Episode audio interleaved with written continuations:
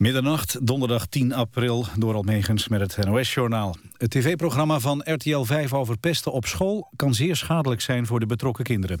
Dat zei kinderombudsman Dullard in Nieuwsuur. In het RTL-programma leggen kinderen met een verborgen camera vast... hoe ze op school worden gepest. Dullard vindt het niet deugen dat de programmamakers... op de stoel van de therapeut gaan zitten. En wijst erop dat de kinderen tegen zichzelf in bescherming moeten worden genomen... omdat het gaat om een pestaanpak die niet wetenschappelijk is onderbouwd. Een van de betrokken scholen stapt naar de rechter om uitzending te verbieden. De PvdA stemt niet in met het kabinetsplan om bewapende particuliere beveiligers toe te laten op koopvaardijschepen. Daardoor is er geen meerderheid in de Tweede Kamer voor het plan. Het kabinet wil in sommige gevallen het meesturen van bewapende particuliere beveiligers toestaan bij schepen die langs Somalië varen. De meeste EU-landen doen dit al of zijn ermee bezig. Volgens de PvdA is het meesturen van particulieren een te drastische stap die ook niet nodig is. De partij wijst erop dat vorig jaar geen enkel schip bij Somalië is gekaapt. Voor de VVD is de opstelling van de coalitiepartner PvdA een tegenvaller. Bij het uitwisselen van gegevens met buitenlandse veiligheidsdiensten... worden de verantwoordelijke ministers voortaan meer betrokken. Dat zei minister Plasterk in de Tweede Kamer. Volgens de Kamer krijgen de geheime diensten steeds meer technologische mogelijkheden om data te verzamelen. Maar komt de privacy van burgers daarmee in het geding. Bayern München en Atletico Madrid hebben zich geplaatst voor de halve finales van de Champions League. Bayern versloeg thuis Manchester United met 3-1, door onder meer een doelpunt van Arjen Robben. Atletico plaatste zich ten koste van Barcelona. In Madrid werd het 1-0. Vorige week eindigden beide wedstrijden in een 1-1 gelijkspel. Gisteren plaatsten Chelsea en Real Madrid zich al voor de halve eindstrijd. Vrijdag is de loting. Het weer de komende uren wordt het overal droog. Vanuit vannacht opklaart. Overdag wisselen wolken en zon elkaar af. In de middag en avond is een bui mogelijk, vooral in het noordoosten en oosten. Bij weinig wind wordt het dan 13 tot 16 graden. Dit was het NOS Journaal. Radio 1. VPRO. Nooit meer slapen.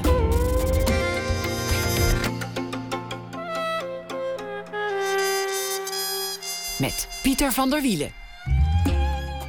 Goedenacht en welkom bij Nooit meer slapen. Vochtige streken was de titel van het boek. Een enorm succes in Duitsland en nu ook verfilmd. Thema van het boek en van de film dus ook is seks. Wat film en boek zo populair en omstreden hebben gemaakt, laten we duiden door filosoof Simone van Saarloos na één uur. En dan krijgt u ook een verhaal van Sanneke van Hassel, een verhaal dat ze speciaal vandaag voor ons geschreven heeft. We beginnen met nog meer mooie verhalen. Dat is namelijk de titel waaronder cabaretier Joep van het Hek en schrijver Thomas Verbocht samen een paar weken het land doorreizen. En de naam zegt het al, de twee troeven elkaar af met mooie verhalen. Ze zijn al lang vrienden en de wens om samen een keer, zoals dat heet, iets te doen, was er al veel langer. Hartelijk welkom uh, allebei Joep van het Hek en Thomas Verbocht. Leuk dat jullie, uh, leuk dat jullie er zijn. Hoe lang kennen jullie elkaar eigenlijk al en, en waarvan, Thomas? Uh, wij hadden elkaar wel eens ontmoet. Uh, toen woonde ik nog niet in Amsterdam. En zeg maar, in, in, in 96 kwamen we elkaar in een café tegen. En raakten aan de praat. En we zijn nooit uitgepraat geraakt, zoals dat gaat. Dus een jaar of uh, twintig, denk ik zo ongeveer.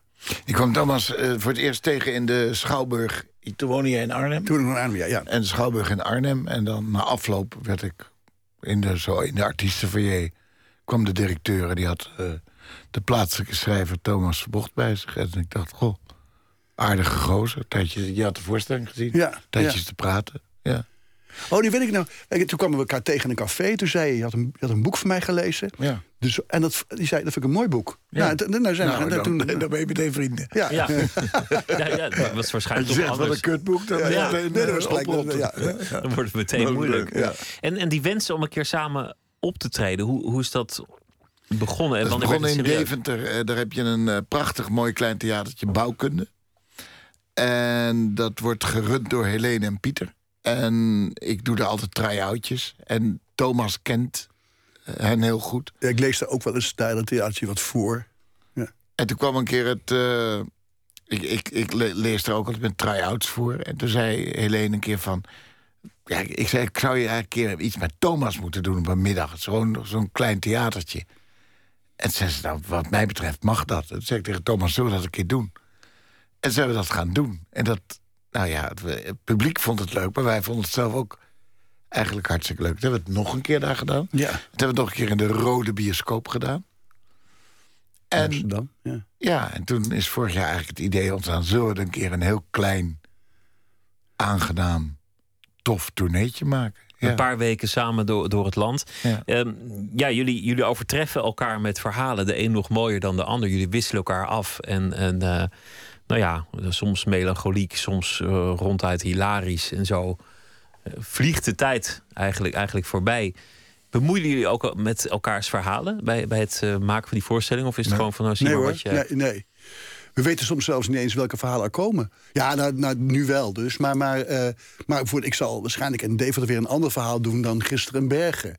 Want ik had gisteren een verhaal wat zich in Bergen afspeelde. En dat, gaat, dat doe ik misschien in Deventer weer eruit, doe ik er een ander in. We maken het gewoon, we wisselen het een beetje af. Ik ben gisteren wezen kijken in, eh, in Bergen. Ik heb niet het einde kunnen halen, want ik moest, eh, ja, als een poester moest weer om 12 uur in, in Hilversum zijn natuurlijk. Maar ehm, ontzettend leuk. En, en het is heel leuk. En ook grappig om jullie allebei in een rood pak. En goed pakken, hè? Een goed ja, pak. Ja. Nou, we- ik dacht, we gaan, eh, we gaan samen op tournee. En eh Marijn, dat is een eh, zoon van een vriend van mij. En Marijn ken ik echt al vanaf dat hij vier is. En Marijn is tegenwoordig, heeft een, een bedrijf die pakken. Dan kan je een pak bestellen. En toen zei ik, nou Marijn, dan komen wij twee rode pakken bij je halen. Dus dat zijn wij. Ja. Marijn heeft ons de maat genomen. En die pakken die zijn speciaal voor ons gemaakt. En in, het jasje staat ook onze naam. dat, dat doet uh, Marijn, die laat, dat borduurt dat erin. En we hebben dus twee eh, flitsend rode pakken, ja. ja, ja. Het is ook een beetje grap.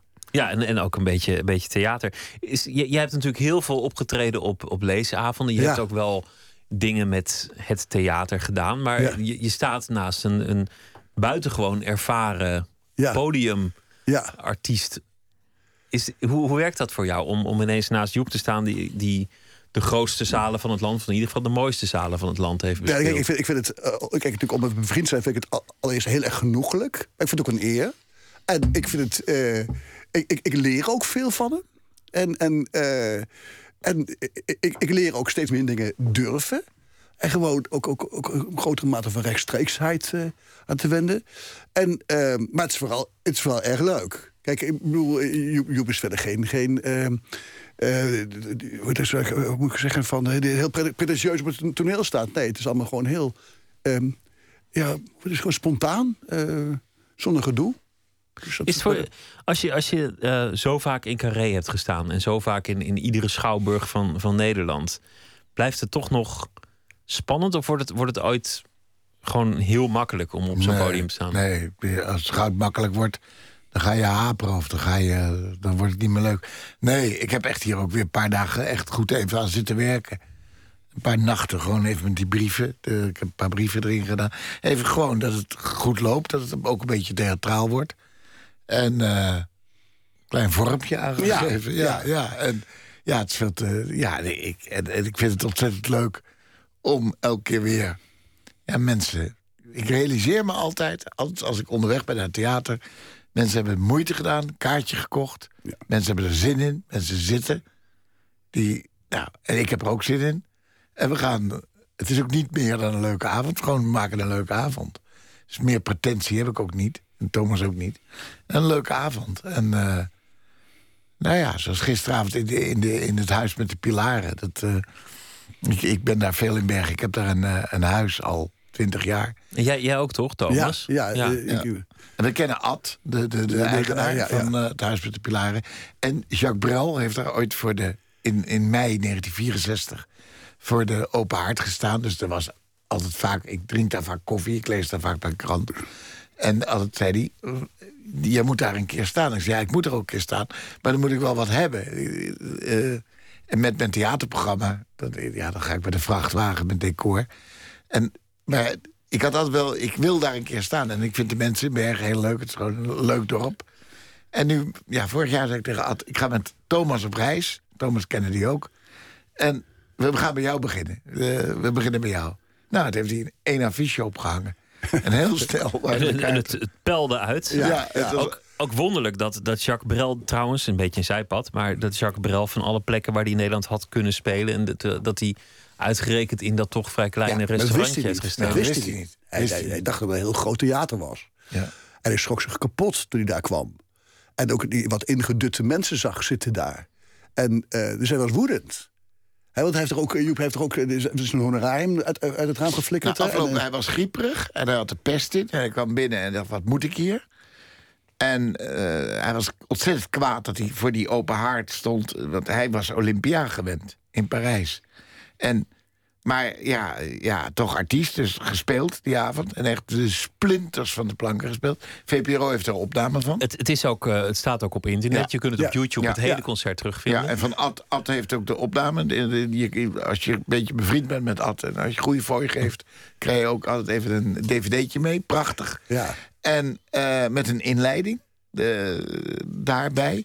En ja, en hij, zijn gaasje heeft hij na afloop uit het raam geflikkerd. Dat heeft zijn manager heeft dat weer heel snel opgeraapt. Een goede En- manager doet Een zoiets. goede ja, maar manager. bovendien was ook een aanzienlijk bedrag. Ja, 12.000 Ja. gulden kreeg hij. In die tijd. Ja, heel veel. 64 was het toch? In hè? 64. Ja. En hij heeft eh, een kaas gekregen. En die is ook door Bergen gegaan. En toen schijnt, ik geloof dat hij of zijn, ja, toen hij wegreed, zwaar de pest in met zijn raampje open. Hij werd gereden, riep hij eh, bon fromage, riep hij. En toen daarmee is hij vertrokken. Meteen, een, meteen een mooi verhaal. Nu we toch bezig zijn met, met mooie verhalen om, om ook in de sfeer te komen. Misschien willen jullie wel iets, iets voordragen. Van, hebben, jullie, hebben jullie iets Ja. in jullie zak zitten? Of... Ja, nou, ik, zal- ik zal. Ik, ik, begin jij, begin ik? Begin jij, maar- want jij, jij begint ook op de voorst, in de voorstelling. En dan doe ik dit nou wat. Ik zal het begin van de voorstelling doen, van gisteravond. Beste Thomas, voorafgaand aan de tournee Mooie Verhalen schrijf ik je een brief met de vraag of het handig is als ik aan het begin van onze tour aan het publiek vertel waarvan wij elkaar kennen. Dat ik aan de mensen uitleg dat wij elkaar in het begin van de jaren negentig van de vorige eeuw ontmoet hebben op een feestavond van de vereniging EVM, ofwel de club van extreem verlegen mensen. En dat we die avond allebei op dezelfde vrouw vielen. Een prachtige vrouw waar we niet op af durfden te stappen.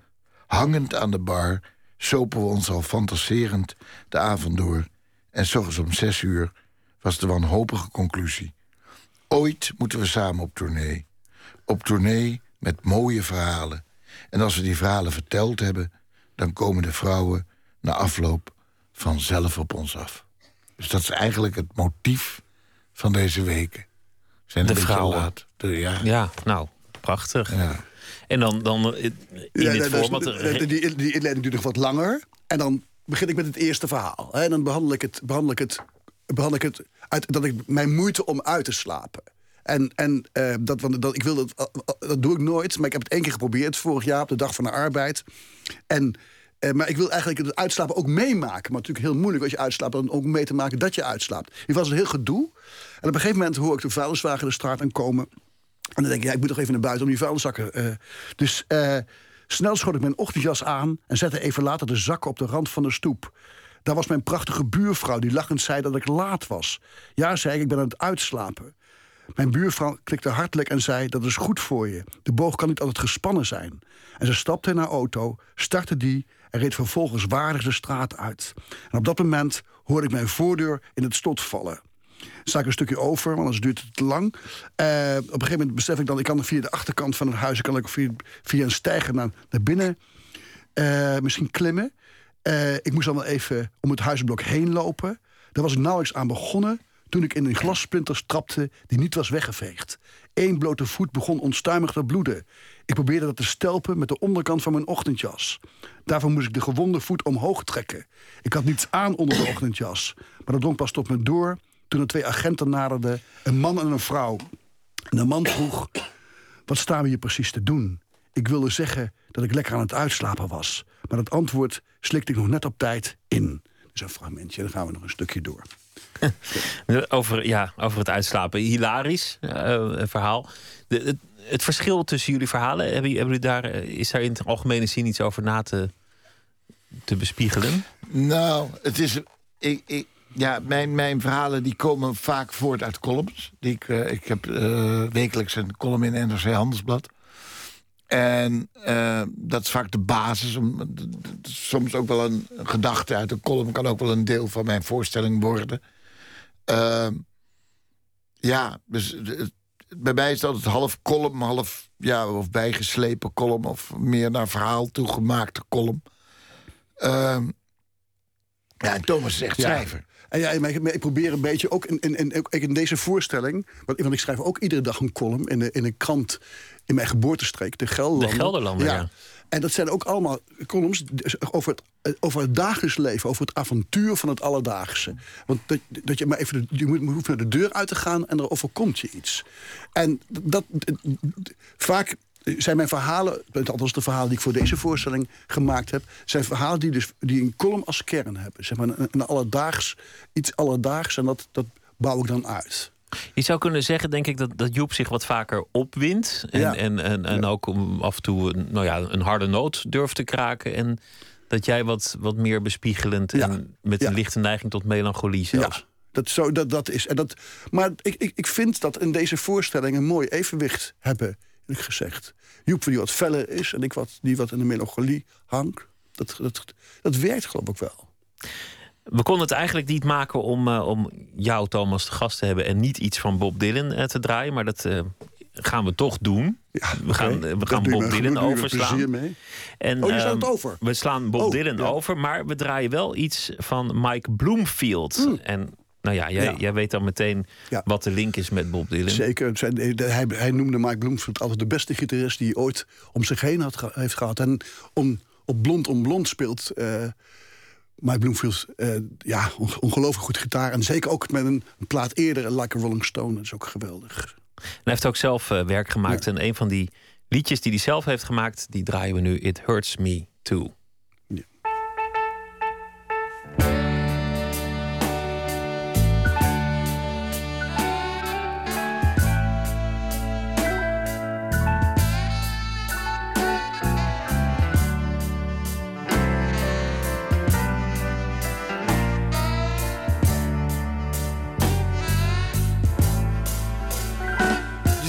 You've been hurting,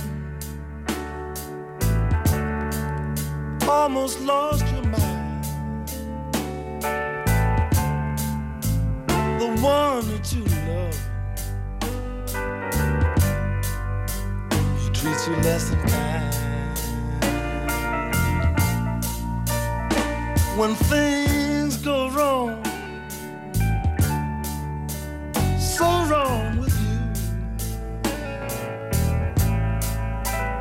it hurts me too.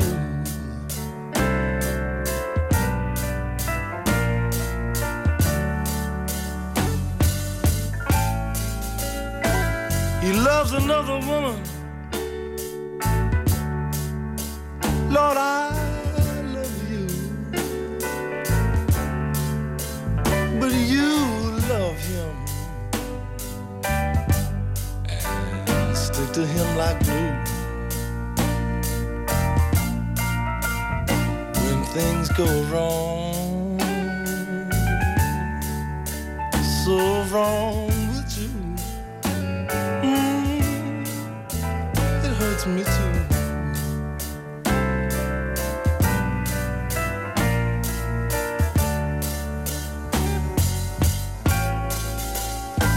You love him more when you should love him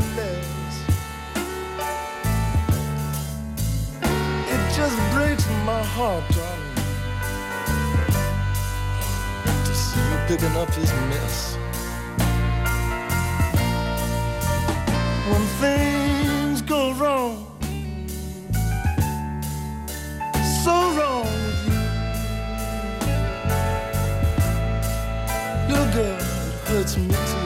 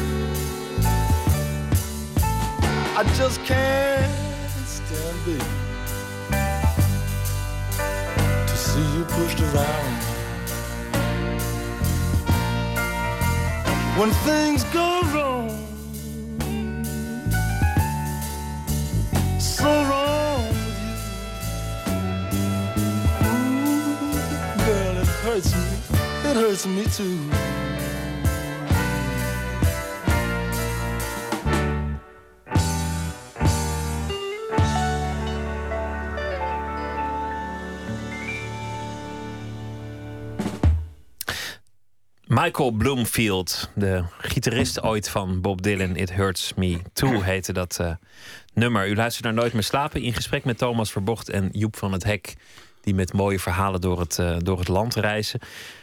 Thomas, vriendschap is, is in, in jouw werk, in jouw verhalen, in jouw romans, in jouw boeken een terugkerend thema. Ja. Op de een of andere manier is dat iets wat altijd bij jou vraagt om meer beschrijving. Waarom is dat eigenlijk? Omdat het, eh, te- mij, wat mij betreft, te maken heeft met een soort eh, een een basisveiligheid in je leven. Iets, iets wat, je, wat, je, nodig hebt om van daaruit je leven te gaan leiden. En, en, en, nou, en, en ook bovendien zijn natuurlijk eh, goede vrienden zijn zeldzaam. En nou, als je er een paar hebt, nou, die zijn natuurlijk ook, met, er zijn ook mensen die heel, natuurlijk heel veel met je, met je. Ze zijn ook zielverwanten. Hè? En dat, dat, dat, vind ik heel erg belangrijk. En ook, eh, kijk, eh, en, en eh, door het over je vrienden te hebben, heb je het ook over jezelf. Dat, dat, eh, dat gebeurt vaak in mijn boeken, ja.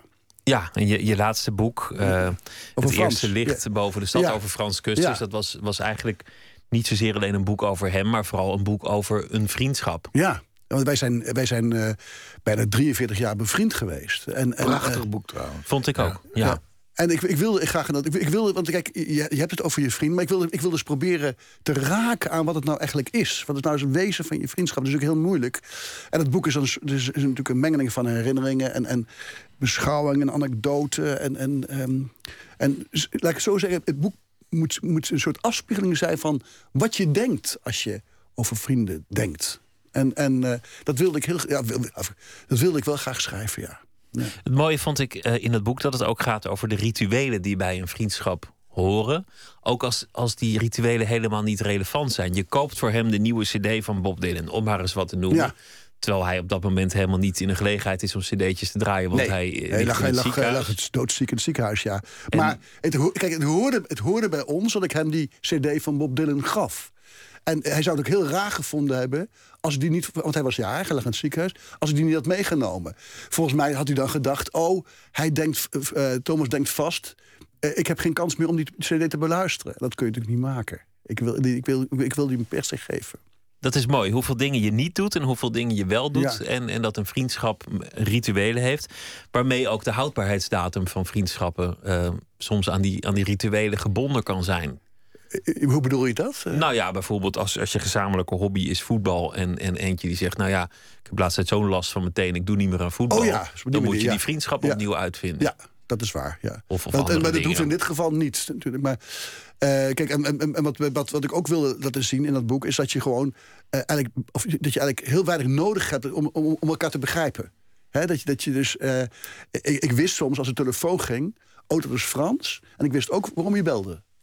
En dat, dat, dus ik nam, ik nam gewoon op en ik zei... ja, ik ben het er ook niet mee eens. En dan klopte dat ook wel. Hebben jullie rituelen in jullie, in jullie vriendschap? Eh, misschien niet de nieuwe cd van Bob Dylan kopen, maar nee. Nee, maar we snappen elkaar wel. Ja, we begrijpen elkaar wel goed. Ja, ook een half woord genoeg. Ja, ja, Ja, dat we kunnen wel, of op basis van wat er die dag in de krant staat. Ja, of wat er, ja, ja.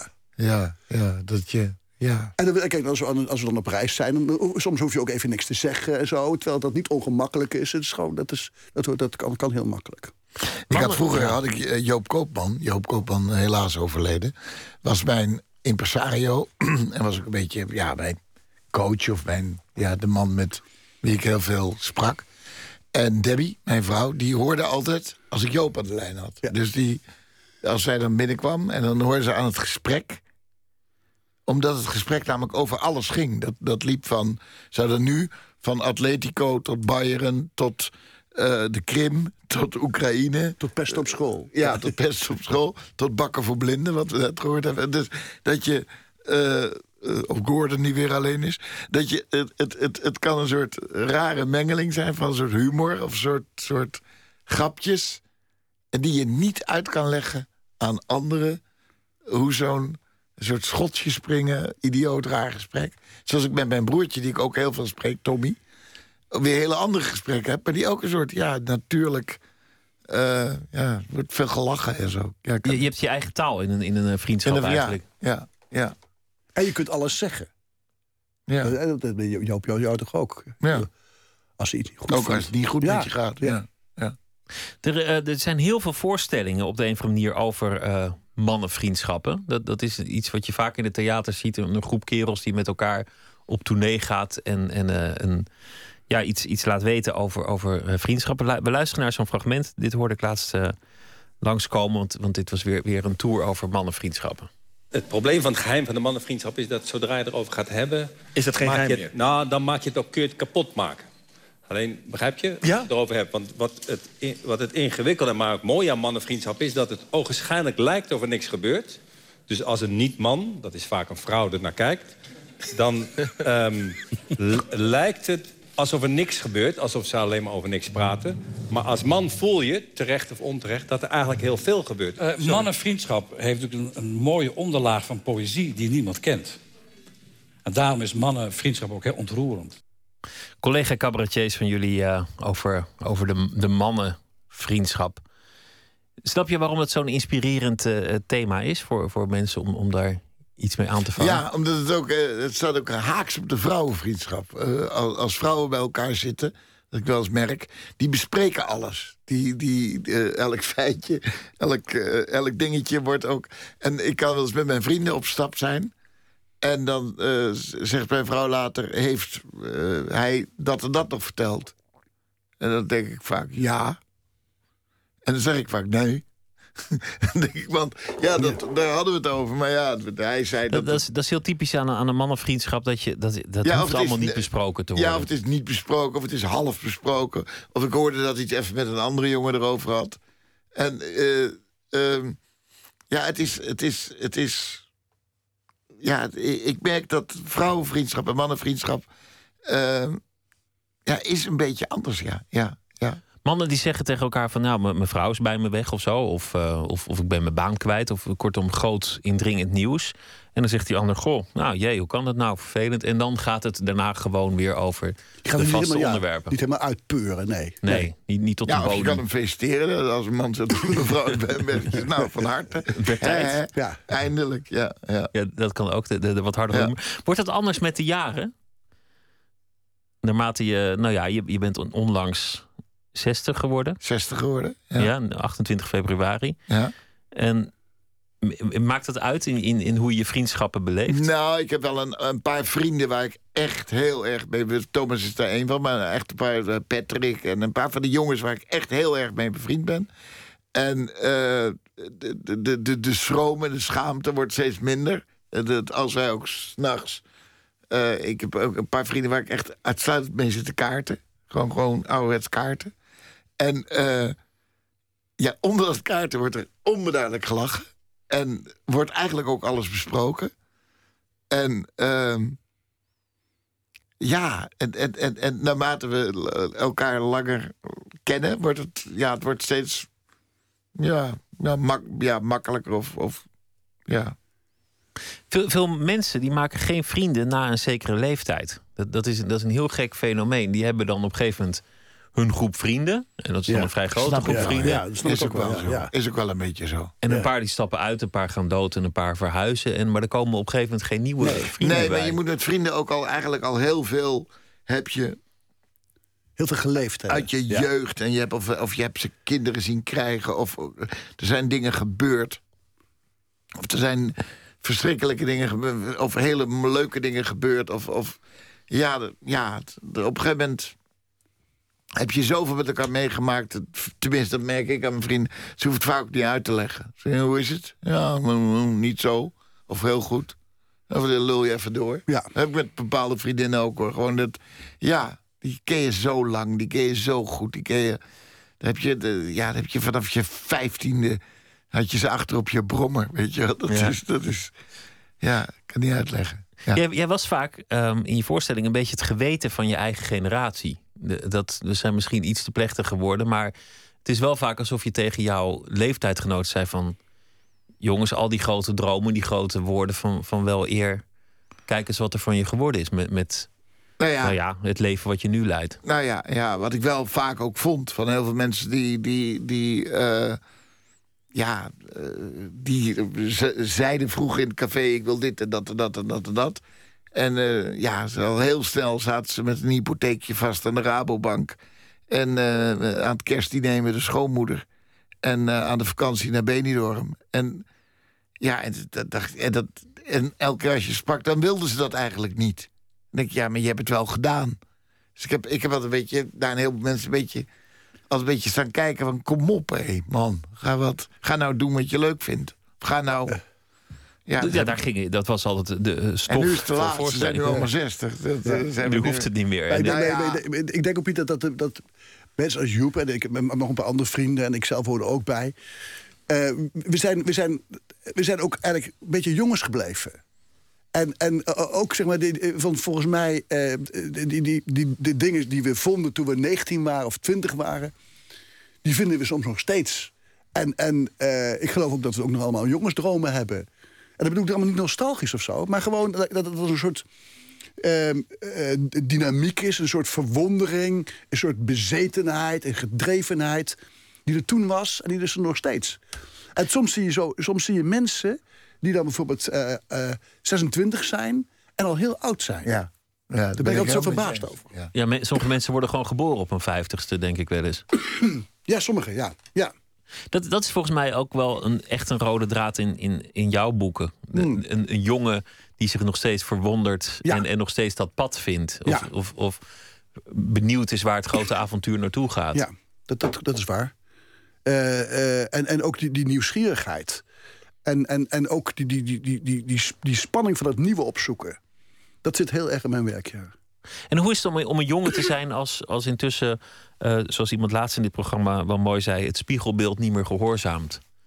En, en als je toch een, een oudere man wordt, geleidelijk, of 60, nou ja, ik bedoel, ja, sorry. Nee, ja, ik, ja, ben, ik ben ja. grootvader. Ja, hij ook. Ja, ja. ja. En toch ook een jongen, want ik vind Ja. jullie allebei wel jongens. Ja, dank je. Ja, dat vind ik, vind ik ja, aardig van je. Ja. Maar het is wel zo, Ja. toch? Ja. Ja. Nou, ik merk ook wel eh, heel erg dat ik met, eh, met, met mijn eh, zoon, die is 22, ik heb twee dochters en een zoon. En ja, met zijn vrienden. En, en hij met mijn vrienden. Ja, ik merk ook, dat, dat vindt hij toen ik inderdaad laat 60 werd. Toen heb ik een, een feestje gegeven. Trouwens ook in Bergen, de Pilaren. En daar had ik mijn, mijn vrienden uitgenodigd. Maar ook alle vrienden van mijn kinderen. Die veel bij ons thuis kwamen.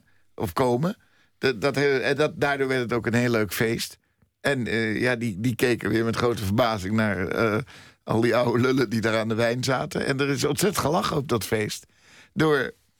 eh, ja, door, door, door- ja, je merkt dan dat dat leeftijdsverschil ook steeds minder wordt of zo. Of, of- ja, ja, er is gelachen, ja. ja. De, Ja, ja, er zit geen grote kloof tussen, Joep. Tussen, dus die, die- tussen die, die, die jonge mensen die er waren en wij. Ik vind, die- die- nee, je ziet wel natuurlijk wel dat we altijd oude lullen zijn. Maar er is geen, geen emotionele kloof bijvoorbeeld. Ik bedoel, we, we kunnen om dezelfde dingen lachen. Terwijl ik niet vind dat je niet... Ik ga niet naar het café waar mijn zoon staat. Daar had ik Nee, vroeger nee, nee. een onbedaarlijke hekel aan. Dat als ik dan eh 16, 17, 18 was... en ik stond een beetje naar meisjes te loeren en mijn best te doen... En dat was wel een hele klus, want eh, zo, zo, nou goed. Maar dat er dan een vader met een dikke portemonnee binnenkwam en rondjes ging geven. Daar had ik een onbedaarlijke Ja, dat hekel dat is aan. hetzelfde, Joep, als, als, als je, je ouders gingen dansen op je feestje bijvoorbeeld. dat dat zijn rampzalige dingen waren dat. Maar ik vind het wel heel leuk om met mijn zoon en met zijn vrienden gewoon bij ons thuis te kletsen. En, en, of naar Ajax te gaan of gewoon samen voetballen te kijken. Eh, ja, gewoon leuk. Maar toch, toch zijn ze in, een- zitten ze in een le- wezenlijk andere levensfase. en, en de neiging om te preken zal jullie niet vreemd zijn. Of, of om het even uit te leggen. Of, of Nee, om alleen als zekere- vragen. Nee, alleen als, Nee, als, nee. als, als, als, mijn zoon of een van zijn vrienden zegt... eh, en meestal is het antwoord... joh, toen ik zo oud was als jij, wist ik het toch ook niet. Het is er ook, dat is toch ook het beste antwoord. Toen ik 2, 23 was, toen stond ik naar de wereld te kijken. Ik heb nu makkelijk lullen, omdat het allemaal vrij eh, vrolijk verlopen is in mijn leven. Maar dat begon eigenlijk ook pas een beetje rond mijn dertigste. Dat, eh, dat, eh, dat mijn publiek kwam en zo. En voor die tijd... Ja, ik was ook vaak net zo wanhopig als nu alle jongens van 22, 23. Dat ze denken, ja, eh, doe ik het wel goed? Of zit ik wel op de goede weg? Of, of weet je, wat moet ik doen? Doe ik wel de goede studie? Heb ik wel het juiste meisje? Heb ik wel, weet je, dat... dat ja, de, de, de... Weet je het nu wel allemaal? Nou, nee, maar er is... Ja, nou ja, ik heb wel een, een aantal hele, hele goede, goede keuzes in mijn leven gemaakt. Dat merk ik met, me, met mijn vrienden, dus, die bij mij werken. Met wie, ik, eh, met wie ik door het land reis. En Hans, mijn manager, die ik echt... Uh, ja, dat is echt een vriend. En uh, de vrouw waarmee ik getrouwd ben, dat, met Debbie is echt een vriend. Mijn, ja, daar kan ik echt heel... Ja, wat dat betreft heb ik een, een, een, een, in, in mijn werk de mensen met wie ik ben, met wie ik werk. Ja, daar heb ik, daar heb ik onbedaakt veel geluk. Maar dat heb ik ook, geloof ik, ook wel weer zelf afgedwongen. En dat heb ik ook wel weer geleerd van mijn vader. Mijn vader die, die was een Amsterdammer uit de Jordaan.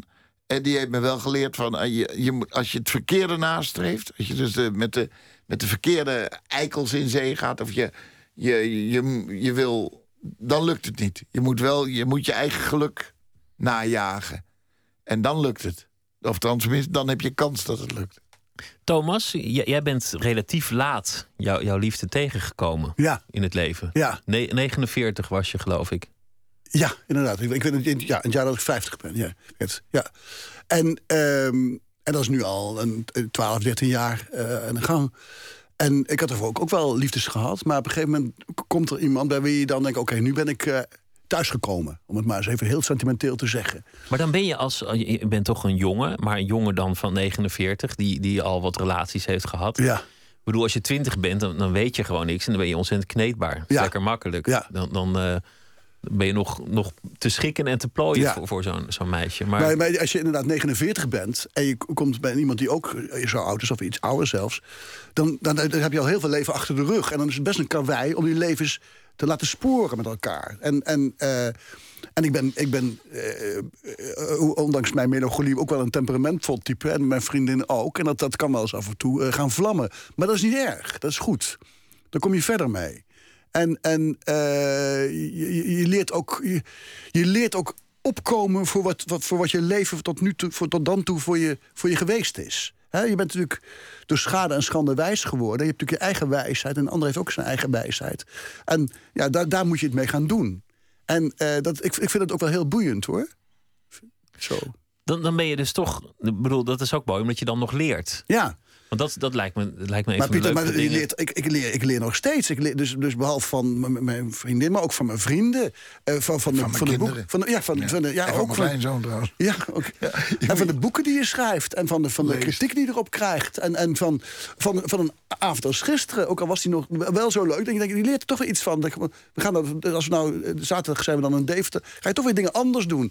Maar dat vind ik juist zo ongelooflijk interessant en fascinerend. Die, die, die, die, die, dynamiek van... eh, het moet iedere keer weer anders. Het moet iedere keer weer beter. Ik heb de gewoonte over, over gasten te kijken als, als, het, als het lukt om, om met mensen te roddelen van tevoren die, die degene kennen. En over jou wordt gezegd dat je minder bedeesd bent geworden. Dat, dat, dat je eigenlijk Wat in leuk de dat loop der jaren losser bent en opener. En Ja, ja dat, dat, wat, wat leuk dat het gezegd wordt. Ja, dat is zo. Dat, zo voel ik dat ook. Maar dat, dat komt ook door iets wat net aan de orde kwam. Kijk, op een gegeven moment... Ik, ik ben nu 61. Ik, vroeger dacht ik altijd... Dat, dat is een ingewikkelde leeftijd, want dan ben je heel erg oud. Maar dat, ik, zo vind ik het helemaal niet. Ik vind, dat, ik vind dat, dat, die periode tussen mijn 50 en nu... vind ik een ongelooflijk boeiende periode. Om, je, je hebt een aantal keuzes gemaakt... waardoor je andere keuzes niet meer hoeft te maken. Bepaalde dingen hoef je ook niet meer zo te bewijzen. Want je weet, dat bewijzen hoeft niet, want dat is zinloos. Dat heb je al gedaan. Eh, die schade en schande die ik noemde. Ehm, en eh, ik, voel me ook inderdaad steviger staan in mijn, in mijn leven. Maar dat komt ook omdat ook dingen is, eh, ook steeds beter luk- lukken. Kijk, je bent ook als, ook als schrijver ben je bezig met, met, het, met het vinden van je vorm. En, en op een gegeven moment heb je die, heb je die vorm ook. En dan voel je ook, de- denk je, oké, hier voel ik me in thuis. En hier voel ik me stevig in. En dat maakt me inderdaad wat minder bedeesd dan vroeger. Ja, dat is waar. Ook in je schrijven? Ja, ja. Ik, ik, ik durf veel meer, Pieter. Dat is gewoon het, dat het verschil. Vroeger was ik bijvoorbeeld eh, bang om te autobiografisch te zijn. Dat, dat, ik verstopte me een beetje. Maar dat, dat, is, dat, gaat, dat, die, dat verstoppen, is, die, die, die neiging is steeds minder. En, en zeker nu ik voor dat laatste boek over, over mijn vriend Frans geschreven heb... dat een strikt autobiografisch boek is... ik merk dat, dat, me, dat me dat ook heel, geholpen, dat me dat heel erg helpt bij het schrijven van een nieuwe roman. Ik, uh, ik leg het filmen op tafel. En ik durf ook gewoon met, uh, ook uh, als het gaat om bijvoorbeeld om, om gevoelens of, of, of um, particuliere wijsheden. Ik, ik, dat, dat, ik durf er gewoon wat guller mee om te gaan. Ben jij in je werk anders, anders geworden door, door de jaren heen, door, door de ouderdom? Verandert het jou als cabaretier? Nou, ik denk wel dat je. Uh, wat verandert is sowieso dat ik heel veel kilometers heb liggen op tonelen. En dus ik heb heel veel gespeeld. En uh, als je jong bent en je stapt het podium op, dan ben je heel nerveus. Dan denk je, als je één foutje maakt, denk je, oh god, de hele zaal merkt het. Tot je erachter komt dat als je een foutje maakt en je gaat daar met een beetje humor mee om, dan is het bijna grappig. Je merkt als je een wat rustiger, mooier verhaal vertelt, gewoon een zonder lach, dat de hele zaal dat ook als het verhaal goed is, prachtig vindt. Dus je durft wat meer emotie. Uh, uh, in de loop der jaren heb ik het gevoel dat ik ja, in, in elk geval als, als artiest wat... nou ja, meer diepgangers overdreven. Maar ja... Het milder? Zou je dat woord durven gebruiken? Nee, ik geloof het niet. Ik geloof wel dat men meer aan mij gewend is. Dat, dat, dat... En ze schrikken er niet meer van? Ze schrikken er minder van. En ik ben een beetje... Ja, weet je, ook wel een half beetje familie van, uh, van, van veel Nederlanders geworden. Die weten, oh ja, dat, gaat hij, dat zegt hij. En ik denk bij veel dingen eh, die ik schrijf als column, zeggen ja, dat is Joep. Weet je, dat, dat deels... Het me bijna jammer als mensen niet meer boos worden. Dat dan, dan ben je een soort van onschadelijk. Nou, ik denk dat als ik zo de reacties op een column merk... dan worden mensen dan wel eens ouderwets boos. Dat is ook wel oh, de bedoeling. De, ook de mensen ja. over wie het gaat, politici of zo.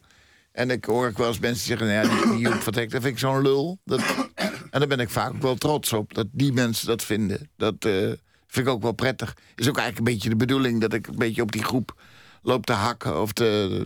te ja. Als niemand je een lul vindt, dan, dan doe je dat ja, dat was toe. een van de eerste dingen die, die mijn vader zei toen ik tegen mijn vader zei dat ik. Mijn vader was wat ouder. En toen ik zei dat ik cabaretier wilde worden, toen zei mijn vader: Oké, moet je doen, zei hij, maar word geen middelmatige. En daarmee zei ik: Wat bedoel je? Zei hij: Ja, waar niemand wat van vindt word wel een die, die, Ze mogen je ook uh, echt heel, een hele vervelende man vinden. En daar, nou, daar, daar, daar hou ik me voorlopig nog wel aan. we, gaan, uh, we gaan weer luisteren naar muziek die, uh, die Thomas uitgekozen zou kunnen hebben. Althans, denken, denken wij. Towns Van Zandt. Oh ja. En, ja. ja en mijn hoeft... Corrie Konings komt er nee, nee, jouw Corrie Konings. Die, nee. nee. Kathleen heet het nummer. Prachtig.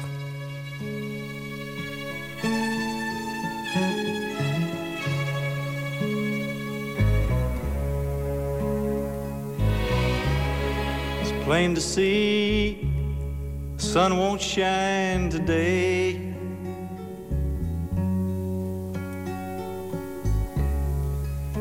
But I ain't in the mood for sunshine anyway.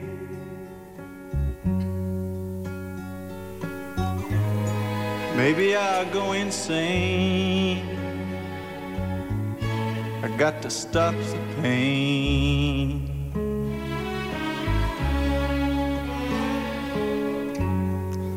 Maybe I'll go down and see Kathleen.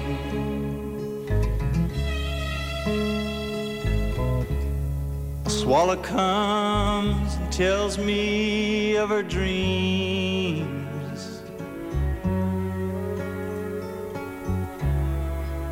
She says she'd like to know just what they mean. Feel like I could die as I watch her flying by.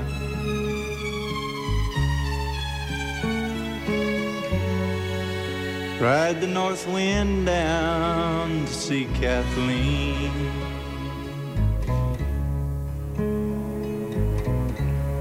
The stars hang high above the ocean's roar.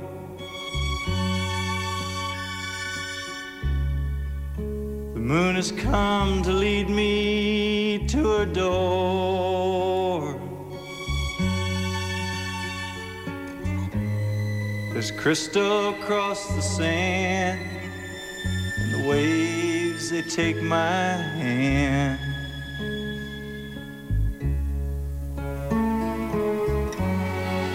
Soon I'm gonna see my sweet Kathleen.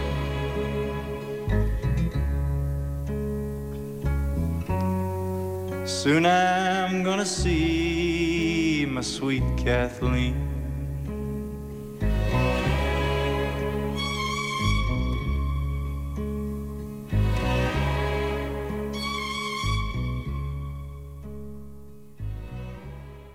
Towns Van Zandt, het nummer heette Kathleen. U luistert Nooit meer slapen in gesprek met eh, Thomas Verbocht en Joep van het Hek. Naar aanleiding van hun eh, voorstelling Mooie Verhalen. We hadden het over eh, oud worden en het leven wordt, mag ik wel concluderen, alleen maar beter met, met, met de jaren. Toch is er ook volgens mij een moment dat je een beetje in bepaalde opzichten afscheid van de tijdgeest neemt. Of dat je denkt, nou, nu, nu, nu, nu snap ik het misschien niet meer. Of, of herkennen jullie dat niet? Nou. Of dat je er gewoon geen zin meer hebt. Nou, om sommige dingen hebben ik, geen zin. Bijvoorbeeld, eh dat doet YouTube wel, maar ik, ik Twitter bijvoorbeeld niet. Of, of eh, eh, Facebook dingen, dat doe ik niet. Niet omdat ik, dat ik daar te oud voor voel, maar ik heb mijn handen vol al aan, aan sms en, en, en e-mail en telefoon. Dus dat, dat doe ik dan niet. Maar dat, maar dat is dan, dat, ik weet niet of dat iets met ouderdom te maken heeft, maar meer met, met een behoefte, dus zeker stilte in je hoofd. Volgens mij is Facebook de grootste vijand van elke schrijver.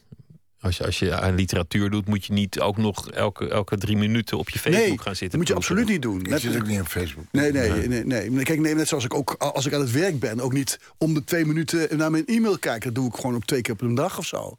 En, en, eh, want anders word ik daar gek van. Anders Want, komt er ook nooit een boek uit. Nou, nee, nee, want mensen die, zijn daar zeer dwingend in. Weet je wel? Dat, dat, dat, dat, dat- daar hou ik niet van. Er is een hele eh, generatie jongere cabaretiers. En eigenlijk in, in de wereld van het cabaret heel veel eh, in beweging, heel veel gebeurt. En een van die dingen is bijvoorbeeld dat veel cabaretiers het nu leuk vinden om, om echt in hele grote zalen eh, te spelen. Ja. Ziggo Dome, eh, Heineken Music Hall, dat, soort dingen. Dat, dat is echt een, een verandering. Jij bent wel iemand die nog eens, nog eens grootgebracht met de mooie theaters. Dat je echt, echt droomde van een meer een ja, mooie maar zaal. ik vind dat. dat ik ga er ook niks over zeggen. Want ze moeten het lekker zelf weten. In Zico Dome staan. Nee, uiteraard. Kijk, als zij er willen spelen en het ik, publiek moet er daar, wil. ik heb daar die behoefte nooit gehad. En eh, ik vind Carré echt groot genoeg. En ik vind Carré ook echt... Ik heb de laatste weer een maand mogen spelen. En echt mogen spelen. En eh, fantastische maand gehad. Echt publiek ook. Hartstikke leuk mensen. En ja, ik denk dat cabaret hoort gewoon in een theater. En het, het grootste is Carré. En veel groter. Althans mijn cabaret.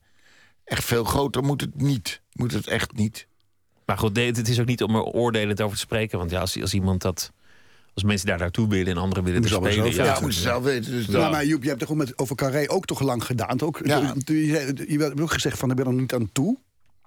Nee, maar je merkt ook gisteravond als je dus met het publiek eh, in zo'n klein eh, huis met de pilaren speelt. Iedereen heeft het idee dat hij de laatste stoel heeft. Dat is het leuk gevoel. En je hebt ook een soort. De, de, de gordijnen zijn dicht en de deur gaat dicht. En je hebt ook meteen het complot met het publiek. Dat, is, het, het is ook. Dat zei Wim kan al. We doen de deuren dicht en hier gebeurt het vanavond. En ja, buiten gebeurt ook nog heel veel. Daar zijn journaals en kranten en, enzovoort. Maar met je, met je publiek eh, ja, ben je in die zaal aan het, aan, aan het kloten en het lachen en aan het stoeien en aan het doen. En waar, waar jij vaak grappen over maakt, althans eh, gisteravond, eh, is dat het onderwerp van jouw grappen in de zaal zou zitten. Dat, dat veroorzaakte elke keer enorme hilariteit. Als je een verhaal vertelde over een, een mevrouw in een vliegtuig bijvoorbeeld. Ja, en dan ja, zei ja, van, ja, ja, ja, ja. En ik zei, kom, kom vooral naar Bergen. Ja, maar dat is, ja, dat is een soort, soort grap die, die, die ik. eh, eh, ja, hoe moet ik dat nou uitleggen? Ja, dat, dat, is, dat, is, dat is. Ja, het speelt zich die avond af. Dus het, is, het gebeurt in Bergen of het gebeurt in Deventer. Of ik kan ook heel goed aan de zaal vertellen van nou, ik liep vanmiddag door Deventer en daar. eh, en soms is het ook echt gebeurd. Of ik liep door Roermond, of ik was. Of ik verzin het half als ik door Roermond loop. en Ik zeg, ik kwam Jos van Rij tegen. Dan is de vraag of dat ook echt gebeurd is. Hè? Maar het zou zomaar kunnen dat het deels is verzonnen. En het moet ook altijd voor het publiek in het midden blijven... of het echt gebeurd is, of dat het gebeurd zou kunnen zijn... of dat verzint hij, of nou ja, het een beetje... Ik beetje in het- midden laten. Maar het, in, in wezen is het natuurlijk al die jaren wel een beetje waar geweest dat jij grappen maakte over een, nou ja, een bepaald slag mensen die ook gewoon in jouw zaal zaten. Ja, maar dat is natuurlijk ook. d- dat vind ik ook leuker dan dat je zegt eh, de mensen buiten. Ik heb ook heel veel grappen over mezelf. Als iemand zichzelf relativeert, dan ben ik het. En ik denk dat dat ook eh, eh, de helft. Er stond ooit, ooit een keer in een recensie een, een, een stuk. Eigenlijk maakt Joep van Dekker een groot café van. En hij is gewoon ja, de, de stamgast met de grootste bek. En, en, en ja, dat, Dat is wel mooi gezegd eigenlijk, Ja, toch? ja. En eh, ja, dat, eh, het is ook een beetje van... Ja, ik, ik- ben niet veel beter dan mijn publiek. En dat ben ik trouwens ook niet.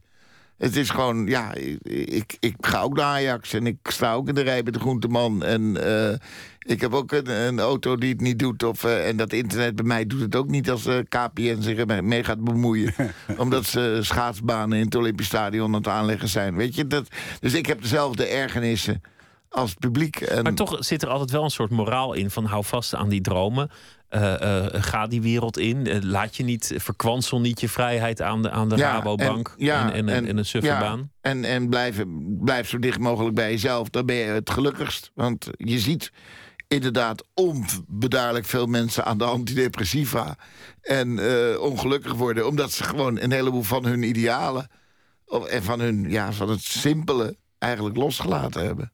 Het is natuurlijk ook niet makkelijk. Ik bedoel, dat, Nee, deels is is het niet makkelijk, maar deels is het wel makkelijk. Deels is het van als je niet zo idioot doet.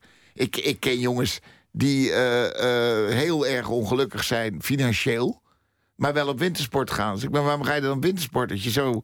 Hè, dus ze kunnen nog net eh, de, de, de lucht in hun auto niet meer betalen. maar ze gaan wel skiën, ja, maar iedereen gaat. Weet je, dat, dus je, je ziet dat ze in een soort tredmolen zitten. En, ze, en, en, en, en de kinderen moeten hockeyen. En dat moet en dat moet. En dan zie je ziet ze allemaal dingen doen. En onderhand ongelukkig zijn. Terwijl als je denkt, nou, als je daar nou eens allemaal mee gaat stoppen. En je, en je hebt gewoon weer lucht, financieel. En, en, en, en want ja, zeg ja, daar sta ik met al die mensen. En, allemaal, en het zijn ook altijd eikels met wie ze staan. Nou, dat is ook raar dat je zo je hele weekend sta je in een clubhuis met eikels. Ik sta nooit. Ik, ik, maar dat is, dat is natuurlijk een heel mooi advies. Hou het simpel. Ja. Ik bedoel, de- daar had je voor. van, mijn, van, van mijn ouders heb ik dat geleerd. Er zijn mensen die naar India reizen en dan zes weken in retraite datzelfde advies opdoen. Ja, maar simpel. ga naar het concertgebouw omdat je van muziek houdt. En ga niet naar het concertgebouw omdat iedereen naar het concertgebouw gaat. En ga naar het voetballen omdat je van voetballen houdt. En ga niet naar het voetballen omdat iedereen Nee. naar voetballen gaat. Dus dat hou- is een beetje het eh, houd het advies. simpel. Ja, houd het simpel en blijf trouw aan jezelf. Daar Ja. gaat het om. Volgens mij ben jij iemand die dat heel makkelijk afgaat. Om, om redelijk trouw in jezelf te blijven. En, en ook om, om het leven niet al te ingewikkeld te maken. Nou, dat, dat, dat, Dat gaat me niet altijd even makkelijk af. Maar het trouw in mezelf zijn, dat vind ik van een groot belang. En, en eh, soms, soms wordt het leven juist daardoor ingewikkeld. Maar ehm, nee, dat, dat vind ik. Kijk, ik, bedoel, ik, ik wil geen, geen kunstjes vertonen of zo. En, en, zo ben ik ook niet opgevoed, eh, opgevoed. Ik ben ook opgevoed met van inderdaad, hou, hou het eenvoudig en be gentle. Daar gaat het om. En, en ehm, ik heb ook wel eens een- in een, in een boek geschreven... eh, dat, dat, dat, de, dat de, de stiefvader van de hoofdpersoon zei tegen die jongen... toen was hij puber, dus die jongen interesseerde het helemaal niet... maar die, die, die vader zei toen... interesse, zorg en aandacht, daar gaat het om. Daar moet je mee doen in je leven. En dat, zegt mijn zei mijn eigen vader ook. En en, en daar, daar, daar probeer ik het ook mee te doen. En, en ehm, dat- ja, daar hou ik ook bepaalde dingen wel simpel, ja. ja. Ik, ik ga niet dingen doen, bijvoorbeeld wat Joep nu net zei... Van, omdat iedereen het doet. Dat, nee, dat zou ik nooit kunnen. Er worden mij heel veel vragen per week gesteld als artiest. Van of ik dat wil of dat wil of daar wil of daar wil. En ik beantwoord bijna alles zelf. Het gaat wel via mijn kantoor. En, maar ik, ik beantwoord bijna alles zelf in drie woorden of vier woorden. En heel vaak zeg ik nee, geen zin. Nee, nee. En ik geef ook allemaal geen nette brieven terug. Van helaas heb ik daar geen tijd voor. Nee, gewoon nee. En dat, eh, dat loopt van of ik gevraagd word om mee te gaan paaldansen... van een duikplank te springen... maar ook of ik gast wil zijn bij dit of dat... Bij een, of, of aan een diner wil aanzitten... of denk ik, nee, dat wil ik niet. En als ik het eh, goed doel vind en ze vragen of ik erop wil treden, ja, dat wil ik wel. En dat, maar nooit, nooit valse schijn. Dat is Nee. natuurlijk onzin. Nee. Dat, is, dat is onzin. Maar in die zin heb jij natuurlijk ook ehm, zoveel bereikt. Je, je bent een arrivé in, in je vak. Of, of ja, zijn maar er bereikt dingen... door, door, bereikt door, eh, door gewoon... eh, consistent te werken. En ja, gewoon- ik vind de, eh, de, de Telegraaf een kutkrant. En ik heb ze nooit een interview gegeven. En nu zeggen mensen, ja, jij hebt volle zalen... jij hoeft ze geen interview te geven. Ik denk, nee. Maar ik heb ze nooit een interview gegeven. En ik geef ze nog steeds geen interview. En... eh, Rijk je nog naar dingen eigenlijk in, in je loopbaan? Zijn er nog... Ik rijk Horizon. onbeduidelijk naar wat ik nu weer aan het doen ben. Naar een, ik ga een oudejaarsconferentie maken. Die gewoon hartstikke leuk moet worden. Waar veel gelachen wordt en iedereen het, het, het vrolijk heeft. En daarna wil ik een theaterprogramma maken. Waar iedereen hoop ik eh, uitkomt en zegt: Zo, dat, was- dat was, een, was een leuke avond. Zoals gisteravond ook. Iedereen erbuiten zei: Nou, dat was een leuke avond met Thomas. Hartstikke leuk. Je, je laatste boek, het kwam al eh, ter sprake. Het eerste licht boven de stad. Over, over je, je vriend Frans Kusters. Een ehm, heel mooi boek. In hoeverre verandert het hoe je, hoe je in het leven staat... als je op een gegeven moment vrienden, eh, familie, dierbare eh, broers bent verloren? Re- Ja, je moet weten, toen, toen Frans doodging... Kijk, i- wat ik net al zei, iedere vriend is natuurlijk een deel van jezelf. Dus toen hij doodging, dacht ik over... nou, eh, bij bepaalde dingen sta ik er nu alleen voor. Dus ik moet dat... eh, ik moet, het, eh, al- ik, moet dat, ik moet er nou even opnieuw over gaan nadenken. Je, je, hebt, je moet een nieuwe positie innemen in je leven. Dat, dat, dat gebeurde ook toen mijn vader overleed. Denk van, ja, goh, dat is een paar jaar geleden gebeurd. Denk oké, nu moet ik bepaalde dingen moet ik zonder hem doen. Maar ik moet wel aan hem blijven denken. En, en, en eh, want bepaalde dingen die we bespraken, dat, dat, dat, dat, dat, die gesprekken moet ik dus in mijn hoofd door blijven voeren. En, en, en dat is ook een soort, bijna een soort vorm van hiernamaals. Het leven na de dood van die mensen. Dat, dat jij dus dingen oppakt die je voortzet. Eigenlijk was de, de dood in, in jouw werk nooit ver weg. Omdat dat jij altijd die, die sterfelijkheid ergens in je achterhoofd had. En zei van ja, en, en die schaarse tijd die je hebt, die, die heb je nu zojuist aan de, aan de en ik Rabobank. verloor, ik verloor vorig jaar een broer, plotseling, aan een eh, hartstilstand. En eh, ik moet je zeggen dat ik dacht dat ik daar redelijk op voorbereid was. Dat ik kom uit een gezin van acht kinderen. En ik, het heeft mij heel erg aangegrepen. Op alle gebieden. Dat, dat gebeurde. Dat er gewoon een, een broertje... dat die zomaar opeens weg was. Terwijl ik daar ook eigenlijk best wel vaak over geschreven had... en best wel vaak liedjes over gemaakt had en over het gevoel. En maar toen het me echt zelf overkwam, toen het echt gebeurde... erbij, het was een aardige jongen... Ehm, ja, het heeft me veel meer geraakt, veel meer aangepakt... dan ik... eh, en weer veranderd. Mijn- mijn- mijn- mijn mijn zijn en mijn... Hoe? Hoe heeft het je veranderd? Ja, de, de, de, de, de- het heeft mijn voorstelling ook beïnvloed. Mijn voorstelling wegkwam. En volgens mij is er nog harder gelachen over de dood... dan, eh, dan ik ooit bereikt zou hebben. Met dank aan mijn broer. Eh, ehm, ja, ja dat, dat, dat eigenlijk met die zaal hebben we dan nog, nog, nog meer... dat we denken, pam, daar gaat het om. Het was heel leuk om jullie allebei eh, te gast te hebben. Leuk dat je wilde komen. En ook leuk, Thomas, dat jij wilde komen. Heel veel succes en ook vooral heel veel plezier in, eh, in alle zalen die jullie gaan aandoen. Met, Reken eh, maar, ja. met Ja, dat jullie gaat voorstelling, zeker. mooie verhalen. Wat wordt de volgende zaal? Deventer, hè? Deventer, Deventer. Rotterdam. En dan, eh, we komen ook in Zierikzee. Zierikzee. We komen in Ulft. Ja, Nou nee, ja. ja. we hebben er echt zin in. Emmen. En ga, maar, ga maar door. Ja. Het wordt, eh, Kampen. het wordt één spektakel en het wordt hartstikke leuk. Dank jullie wel eh, en heel veel eh, plezier met, eh, met die reis en alle, alle mooie verhalen. Dankjewel. Zometeen is eh, Nooit meer slapen terug met het eh, tweede uur. Daarin gaan we het onder andere hebben over eh, seks. En u krijgt een, eh, een verhaal van Sanneke van Hasselt. Dus eh, graag blijven luisteren. En via Twitter kunt u ons eh, nou ja, iets vertellen. Het VPRO NMS. Of via de mail nooitmeerslapen.vpro.nl. Graag tot zometeen.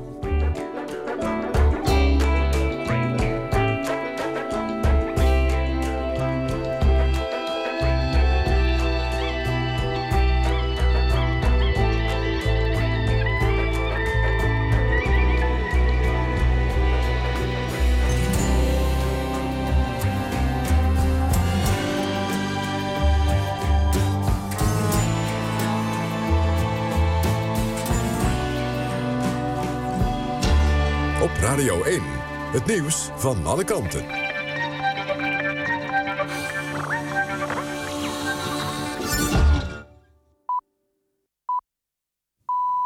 1 uur door Almegens met het NOS-journaal. De PvdA stemt niet in met het kabinetsplan om bewapende particuliere beveiligers toe te laten op koopvaardijschepen. Daardoor is er geen meerderheid in de Tweede Kamer voor het plan. Het kabinet wil in sommige gevallen het meesturen van bewapende particuliere beveiligers toestaan bij schepen die langs Somalië varen. De meeste EU-landen doen dit al of zijn ermee bezig. Volgens de PvdA is het een te drastische stap die ook niet nodig is. De partij wijst erop dat vorig jaar geen enkel schip bij Somalië is gekaapt. Voor de VVD is de opstelling van coalitiepartner PvdA een tegenvaller. Defensie heeft tientallen fouten gemaakt bij de dood van een sergeant van de luchtmobiele brigade in 2011. Dat meldt het programma 1 Vandaag Dossier op basis van een vertrouwelijk rapport van Defensie. De 20-jarige sergeant van Geffen werd tijdens een zelfverdedigingsoefening in Weert zo erg in elkaar geslagen dat hij zes dagen later overleed aan zwaar hersenletsel. Volgens het rapport was er te weinig toezicht en was er geen goed inzicht in de risico's. Bij het uitwisselen van gegevens met buitenlandse veiligheidsdiensten... worden de verantwoordelijke ministers voortaan meer betrokken. Dat zei minister Plasterk in de Tweede Kamer. Ministers gaan vaker zelf beoordelen of de Nederlandse veiligheidsdiensten... AIVD en MIVD wel moeten samenwerken met de veiligheidsdiensten van andere landen. Plasterk van Binnenlandse Zaken zal dat doen voor de AIVD... minister Hennis van Defensie voor de MIVD. De Tweede Kamer dringt al een tijd aan op een andere werkwijze... en nieuwe afspraken met de Amerikanen... Volgens de Kamer krijgen de geheime diensten steeds meer technologische mogelijkheden om data te verzamelen, maar komt de privacy van burgers daarmee in het geding. Bayern München en Atletico Madrid hebben zich geplaatst voor de halve finales van de Champions League. Bayern versloeg thuis Manchester United met 3-1. Atletico plaatste zich ten koste van Barcelona. In Madrid werd het 1-0. Vorige week eindigden beide wedstrijden in een 1-1 gelijkspel. Dinsdag plaatsten Chelsea en Real Madrid zich al voor de halve eindstrijd. Vrijdag is de loting. Het weer, vannacht klaart het op, kan het nevelig worden. Overdag wolken en zon. In de middag en avond een bui mogelijk, vooral in het oosten. Bij weinig wind wordt het dan 13 tot 16 graden. Dit was het NOS Journaal. Radio 1. VPRO. Nooit meer slapen.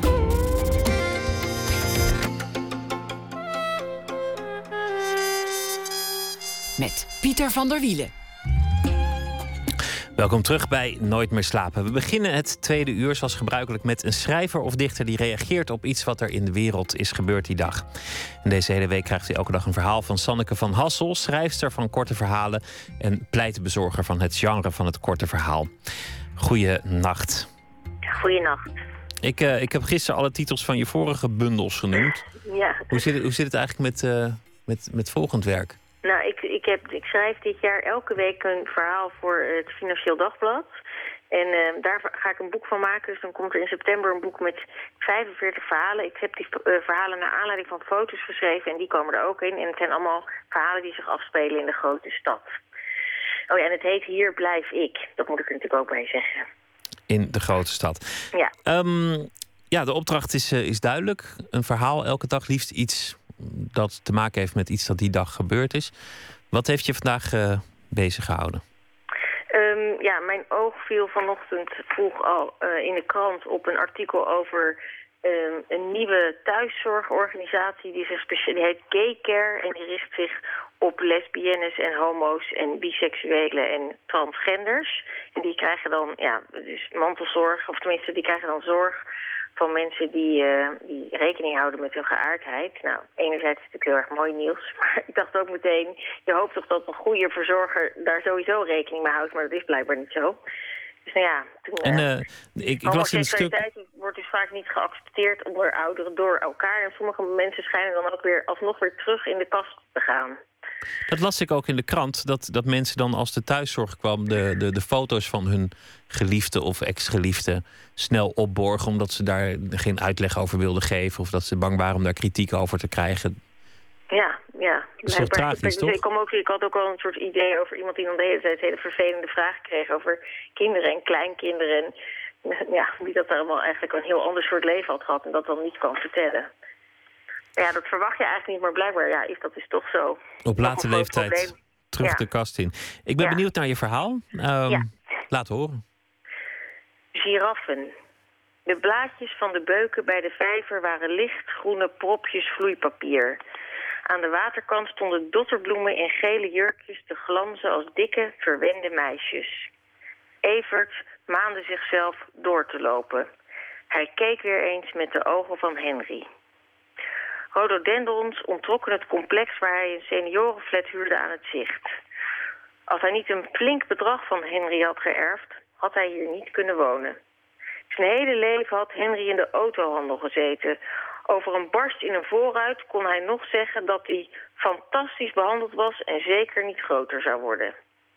Evert keek op Henry's oude Omega, bijna twaalf uur. Zou hij met de hele kliek beneden in de eetzaal lunchen of in zijn fletje? Het was begonnen met die twee dames aan tafel bij het raam. Elke keer als hij binnenkwam, hadden ze hem met die onopgemaakte priemoogjes net iets te lang aangekeken. Eentje schok hem haar glimlach, maar oei, wat was die vals. Laatst had hij maar even gewuifd. De minachting in hun blikken, de besmuikte lachjes. En meteen was het kale gevoel er weer dat hij kende van familiebijeenkomsten of van zijn eerste baantjes. Vroeg of laat hadden ze het door. Hij was anders. Zonder een besluit te hebben genomen liep hij terug. Een woord zwom achter een eend aan. Hij vroeg zich af of eenden ook mannenliefde kenden. Van dolfijnen wist hij het en van flamingo's. En dan was er nog de lievelingsanekdote van Henry... die twee giraffen in Artis minutenlang de halzen langs elkaar had zien wrijven. Brusk klom de ene giraffe op de ander en nam hem van achteren. Het was er niet zachtzinnig aan toegegaan. Toen Henry thuis kwam schitterden zijn ogen. Hij had nog even met de oppasser gepraat. Weet je dat 95% van de giraffen gay is, zei hij. Een zin die hij vaak zou herhalen. Aan de bar, op verjaardagen. Henry was een goede verkoper. Langs het terras was een nieuwe rij lavendel geplant. Vanmiddag na zijn middagslaapje kwam de schoonmaakster. Dana was welwillend, maar als ze ging stoffen legde ze Henry's foto plat neer. De beeldzijde op het buffet. Evert nam het trapje naar de openslaande deuren. Achter de ramen zaten ze, de anderen. Als kleine jongen had hij een paar keer midden in de woonkamer zijn broek laten zakken. Zijn moeder trok hem snel omhoog, maar ze had ook gelachen. Zou hij het doen? Zich op het lege terras in de voorjaarszon omdraaien. Even zijn broek naar beneden en dan zijn magere oude mannenbillen laten zien. Degene die er het hardst om zou lachen, was er niet. Ja, mooi, mooi, uh, mooi verhaal. Het, ja, het, is, uh, het lijkt me trouwens los, los van, uh, van geaardheid heel vervelend om thuiszorg te krijgen. Hè? Wat, wat de aanleiding van je verhaal was. Je bedoel, je moet eigenlijk alles verbergen. Nu gaat het dan over, over de foto van je geliefde. Maar je hebt, je hebt ineens iemand die permanent bij je binnenloopt. Ja, ja, ja. Ik, ik, ik weet, ik, van mijn grootmoeder, die heel erg dement, maar heel vrolijk was, heb ik geleerd dat je gewoon altijd heel, heel erg dankjewel moet zeggen. En heel vriendelijk moet doen. En dan heb je een goede tijd. Maar dat uh, zal ik me altijd, dat zal ik altijd aan denken. Dat, en ik heb ook nu nog een oma die is 99 en die doet hetzelfde. Gewoon heel vriendelijk en beleefd. En dan, ja, dan, en verder moet je een beetje in je, toch maar in je, denken dat je in je hoofd, kunnen ze toch niet komen. Nee, dat is waar. Het, het ongemak van één keer in de week de werkster en dat dan uh, tweemaal daags voor, voor, je, voor je kousen of zoiets. Ja. Dankjewel, Sanneke van Hassel. Morgen weer een, uh, een verhaal. En uh, ik ben benieuwd waar het uh, dan weer over zal gaan. Ik wens je Ik nu ook. een hele goede nacht. Jij ook, dankjewel. Goedenacht.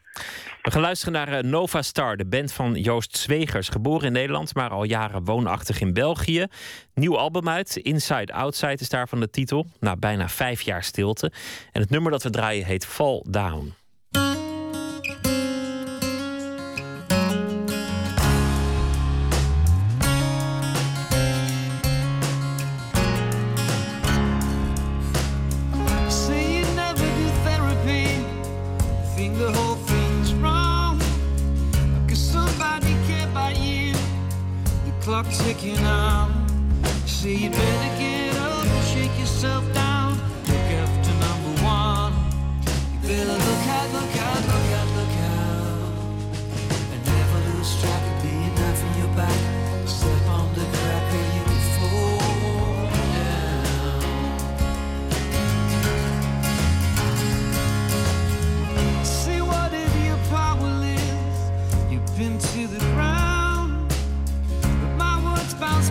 You change.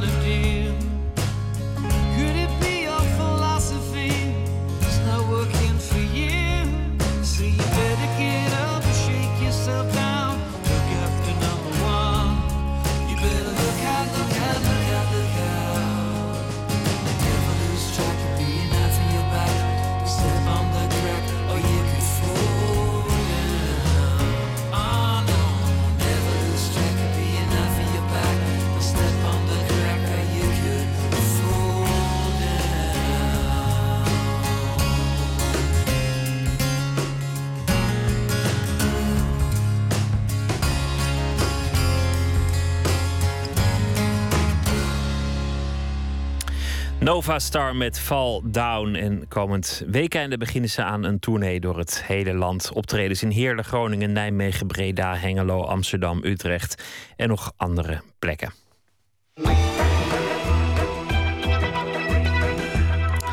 U luistert naar de VPRO Nooit meer slapen. Het Imagine Filmfestival, het festival voor fantastische films, bestaat 30 jaar. In die 30 jaar is het genre flink uit zijn schulp gekropen. Superheldenfilms worden aan de lopende band gemaakt en de fantasy-serie Game of Thrones weet een steeds groter en gevarieerder publiek te bereiken. Maarten Westerveen trok naar het AI Film Instituut om te spreken over elfen, dwergen en superhelden.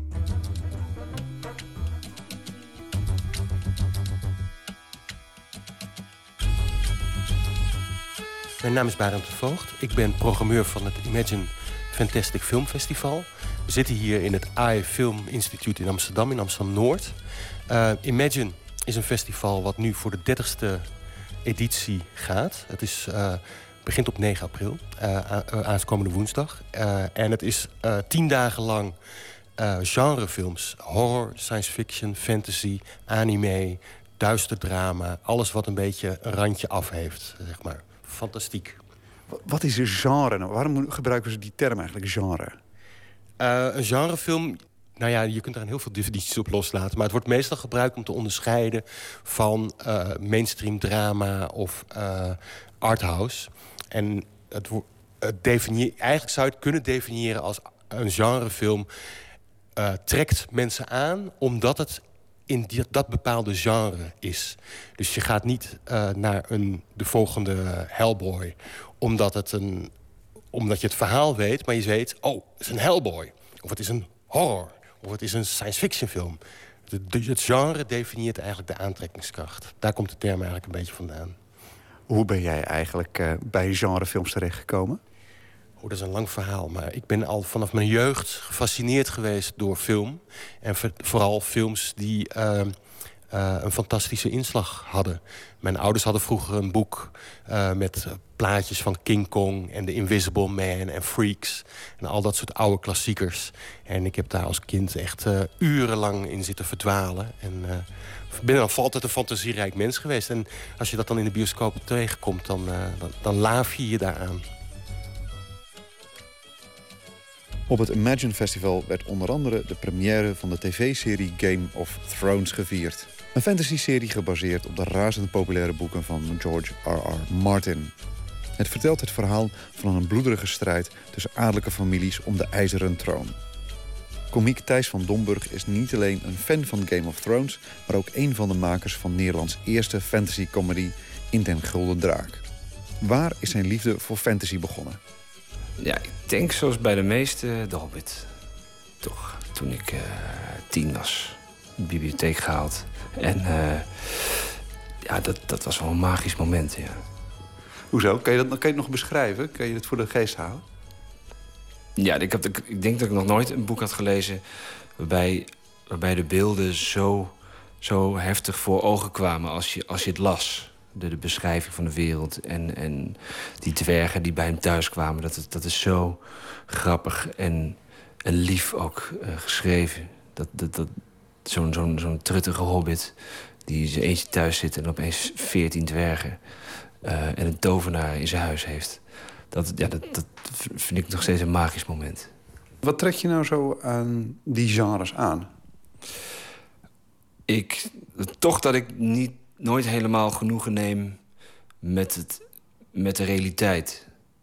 Dat ik wat ik elke dag om me heen zie. Dat ik, ik vind het zonde om, om me te laten beperken door, door wat er al is. En ik heb, ik heb, meer, ik heb gewoon meer, uh, meer fantasie nodig dan dat. Ook in wat ik zelf doe, maar ook, uh, ook vooral ook in wat ik lees en kijk. Ik wil verrast worden door de fantasie van iemand anders. En ja, dat, dat, dat, de, de echte wereld doet dat niet voor mij. En uh, George, R.R. Martin, die doet dat wel? Ja, ja, al is het wel een hele realistische fantasy schrijver natuurlijk. Uh, het is heel, het fantasy light is natuurlijk. Uh, er komen een paar draakjes in voor en, uh, en af en toe wat zombies en een beetje magie. Maar, maar ja, die doet het wel. Maar die, die verrast me dan weer als fantasy schrijver. Omdat het, dat het wel echt uh, een heel nieuw soort fantasy was. Wat er niet, wat tot dan toe niet bestond.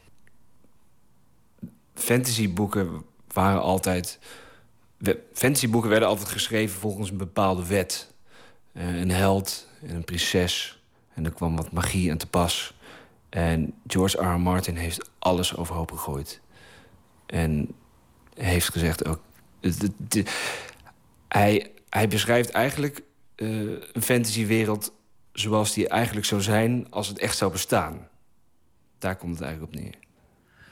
En behoorlijk traumatisch ook. het is schokkend, maar daarmee heeft hij eigenlijk niet alleen het fantasy-genre, maar uh, eigenlijk verhalen, het, we, de, het westerse verhalen vertellen. Op zichzelf al uh, veranderd. er zijn zelfs de, gewoon de realistische politieke drama's op, op, tv of, of, of, of actiefilms. Eigenlijk of andere, andere soorten series uit alle genres. Er is eigenlijk niks wat erop lijkt. Wat, zo, zo'n grote, dikke middenvinger heeft naar de kijker. Zeg van, ja, hier, je dacht dat, dit, dat, dat we zo gingen doen? Nou, dat gaan we dus niet meer doen. En dat, dat, dat is fantastisch, ja. Nog bepaalde favorieten trouwens in deze serie? Ja, Tyrion natuurlijk. Tyrion Lannister. Zijn teksten zijn zo goed. Elk, elke zin is raak.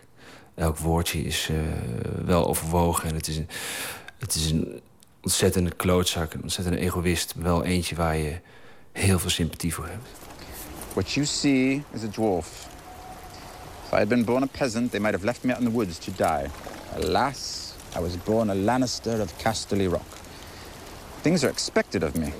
Tyrion Lannister is uh, een, een, dwerg. En dat, dat is al heel origineel dat het een, een, echte dwerg is. En niet zoals meestal bij fantasy een dik mannetje met een grote baard. Maar gewoon echt ja, een, uh, een dwerg in de, laten we zeggen, in de medische zin van van het woord.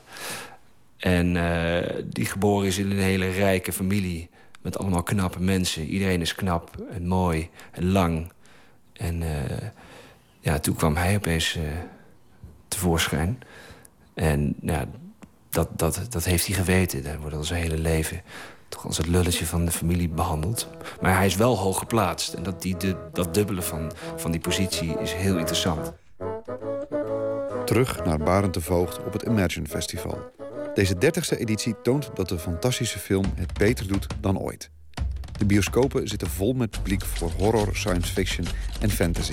TV-series als Game of Thrones worden door een miljoenenpubliek gevolgd. Genrefilms zijn van een wat bedenkelijke niche veranderd in een ronduit mainstream. Ja, ja dat klopt. Ik denk dat er uh, dat gelukkig de vooroordelen uh, jegens horror of fantasy of science fiction een beetje beginnen uh, weg te ebben heeft misschien te maken met een nieuwe generatie filmmakers... die daar opgegroeid zijn met uh, voorgaande genrefilms... die opgegroeid zijn met comics... en die zich daar ook niet meer voor schamen om uh, een superheldenfilm te willen maken. Zijn wij anders tegen films aan gaan kijken? Of vinden wij, uh, is entertainment, hè, is vermaak gewoon iets anders geworden... dan het misschien vroeger was? Is, is film misschien iets minder chic geworden? Ik probeer het... Ik, ik zie het nog niet. Nou ja, ik, wat ik net zei, ik denk dat het een, een combinatie van factoren is. Ik denk dat de beschikbaarheid is groter geworden dan voorheen. Vroeger moest je uh, hele obscure plekken om een goede genrefilm te zien. Hè? Uh, we, draaien Jodor we hebben de Jodorowsky dit jaar is onze Career Achievement Award winnaar. Je moest vroeger moest je naar de cultvideotheek en dan een oude videocassette vinden uh, om El Topo te kunnen zien. Nu kun je hem gewoon overal vinden. dat is veranderd. Dat, het andere wat veranderd is, is dus de houding van de filmmakers is veranderd en van de studio's. Uh, tien jaar geleden was het ondenkbaar dat uh, de grote studio's geld zouden investeren in Ant-Man of een van die andere superheldenfilms die voor de komende jaren zijn aangekondigd. Dus de houding van de studio's is veranderd. En ik denk toch ook dat wij met z'n allen uh, wat minder vooroordelen hebben gehad, gekregen. En dat we zien dat niet iedere fantasyfilm alleen maar over elfen hoeft te gaan... maar dat het veel breder is dan dat. Dat je veel epische verhalen kan hebben. Dat niet iedere horrorfilm over bloed en marteling hoeft te gaan. Uh, de Saw-dagen zijn al lang achter ons. Maar dat ze ook fantasierijk kunnen zijn. En drama, um, en verrassend. Ik denk dat we gelukkig dat zijn gaan inzien. Ik denk dat dat toch de verklaring is.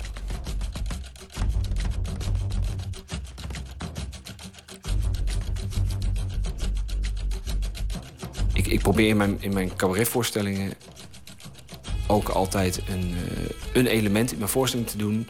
waarvan het publiek sowieso weet, dit is niet waar, dit kan niet. Ik heb een, eh, eh, een tijdreisvoorstelling gemaakt... en in mijn tweede voorstelling ben ik een, een superheld. Echt met superkrachten. Nou ja, als publiek weet je gewoon, dat is niet waar. Dat vind ik heel fijn, om, nou ja, dat, dat, dat het publiek dat weet.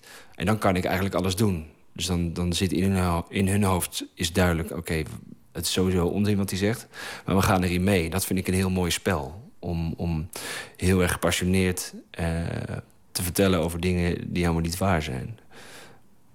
Het, het, is dat niet ook af en toe het enige wat wel eens jammer is? Dat het niet waar is? Dat is ontzettend jammer, ja. ja nee, wat mij betreft is het allemaal wel waar, hoor. Dus zou de, zou de wereld een stuk, eh, een stuk interessanter zijn, volgens mij. Maar ja, aan de andere kant... Wat voor, wat voor fantasy en science fiction zou je dan weer schrijven... als alle fantasy en science fiction waar zou zijn?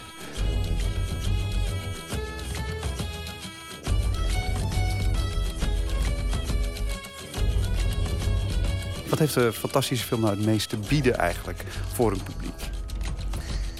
Eh, ik denk dat het, wat het je vooral te bieden heeft, is eh, eh, hersengymnastiek. Dat je, dat je leert je fantasie eh, gebruiken en je leert je fantasie een beetje op te rekken. Ehm, iedere film draait natuurlijk om suspension of disbelief. Bijna iedere film vraagt van je dat je je in een bepaalde situatie verplaatst. Maar de films die wij op Imagine draaien, die gaan echt over van wat nou als, je, als er een komeet neervalt en opeens kom je je dubbelganger tegen. Eh, en niet alleen jij, maar iedereen op het grote feest waar je bent. Dat is Plus One, een van de hele leuke films die we draaien dit jaar. Ehm, allemaal dat soort situaties zul je tegenkomen in films. Eh, de raid. Wat nou als je undercover moet eh, in een gevangenis... en de hele gevangenispopulatie keert zich tegen je... en jij moet je een weg naar buiten vechten. Dat is de raid 2. Dat belooft echt heel spectaculair te worden. Ehm, dat is wat fantastische film doet. Het plaatst je in situaties en, het, en je moet je fantasie gebruiken. En dat is een, een goede ervaring, want daar word je een beter mens van. Wat je wel eens hoort, en dan wordt het als verwijt gebruikt... is dat dit escapisme is. Snap je dat verwijt?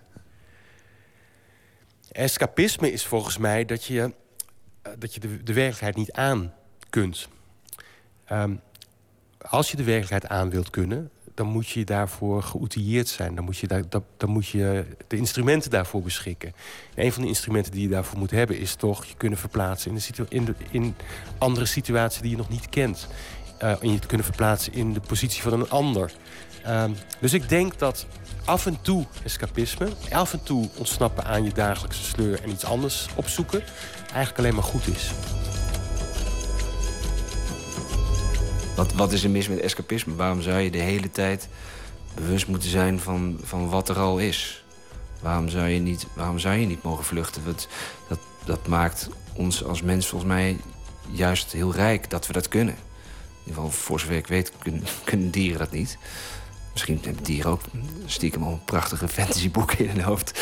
Maar dat, dat, dat, maakt, ja, dat, dat, dat maakt ons eh, wie we zijn. En waarom zouden we die fantasie die we hebben niet gebruiken?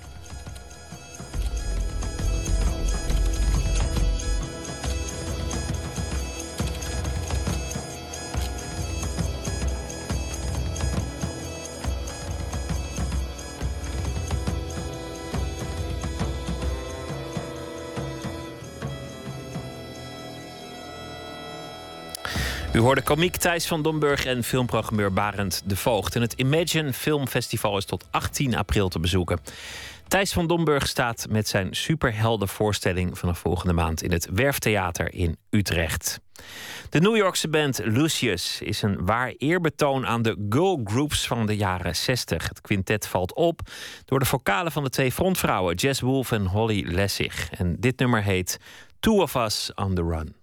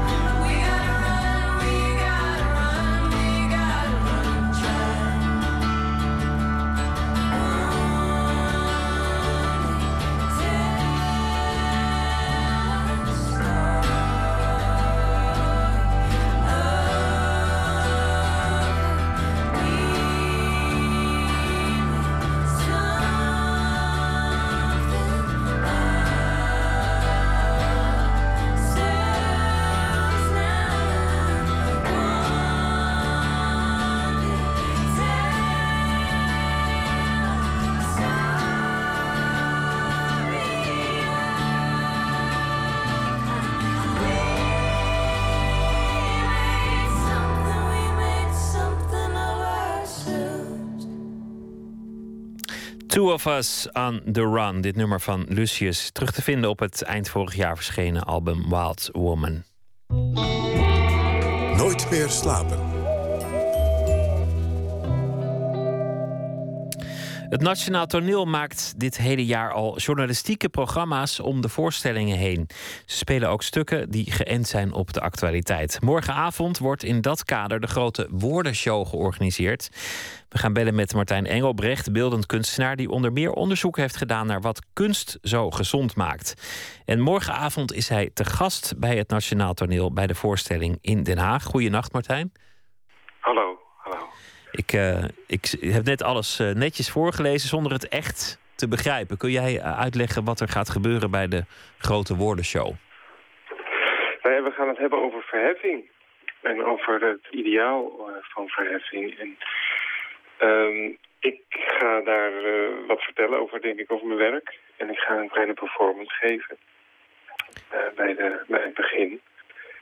En ehm, ja, het is eigenlijk het verheffingsideaal, dat is het thema. Het verheffingsideaal van vroeger dat je, dat je de mensen middels kunst tot betere mensen moet maken. Ja, via kunst of eh, via... Er zijn natuurlijk veel wegen. Maar kunst is er, eh, is er één van. De verheffingsgedachte. Is die verheffingsgedachte eh, weer terug of is die juist helemaal weg? Ja, ik weet, in het algemeen durf ik het niet zo goed te zeggen. Maar ik, ik ben er zelf voor mezelf altijd wel mee bezig om zelf een beter mens te worden. Dus in die zin is het uit mijn... Ik, ik, ben er volgens mij ook altijd wel mee bezig geweest. Ik, ik weet niet, eh, ja.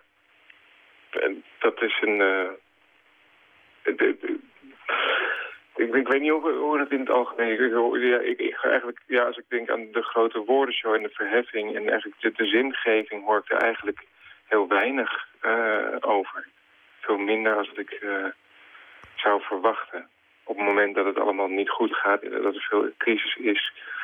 gaat het toch heel veel over geld en over tekort. En weinig eh, over... eh, eigenlijk, eigenlijk die, ja, die, die grote de, de, de, de, zingeving. Wat, wat, wat, wat willen we met ons leven? We- dat soort dingen komen eigenlijk heel weinig aan bod. En, eh, Maar jij, jij gaat morgen iets, eh, je gaat iets vertellen bij het Nationaal Toneel over de verheffingsgedachte. Je, hebt waarschijnlijk onderzoek gedaan van tevoren om, dit, eh, om, om na te denken hoe je dat precies gaat brengen.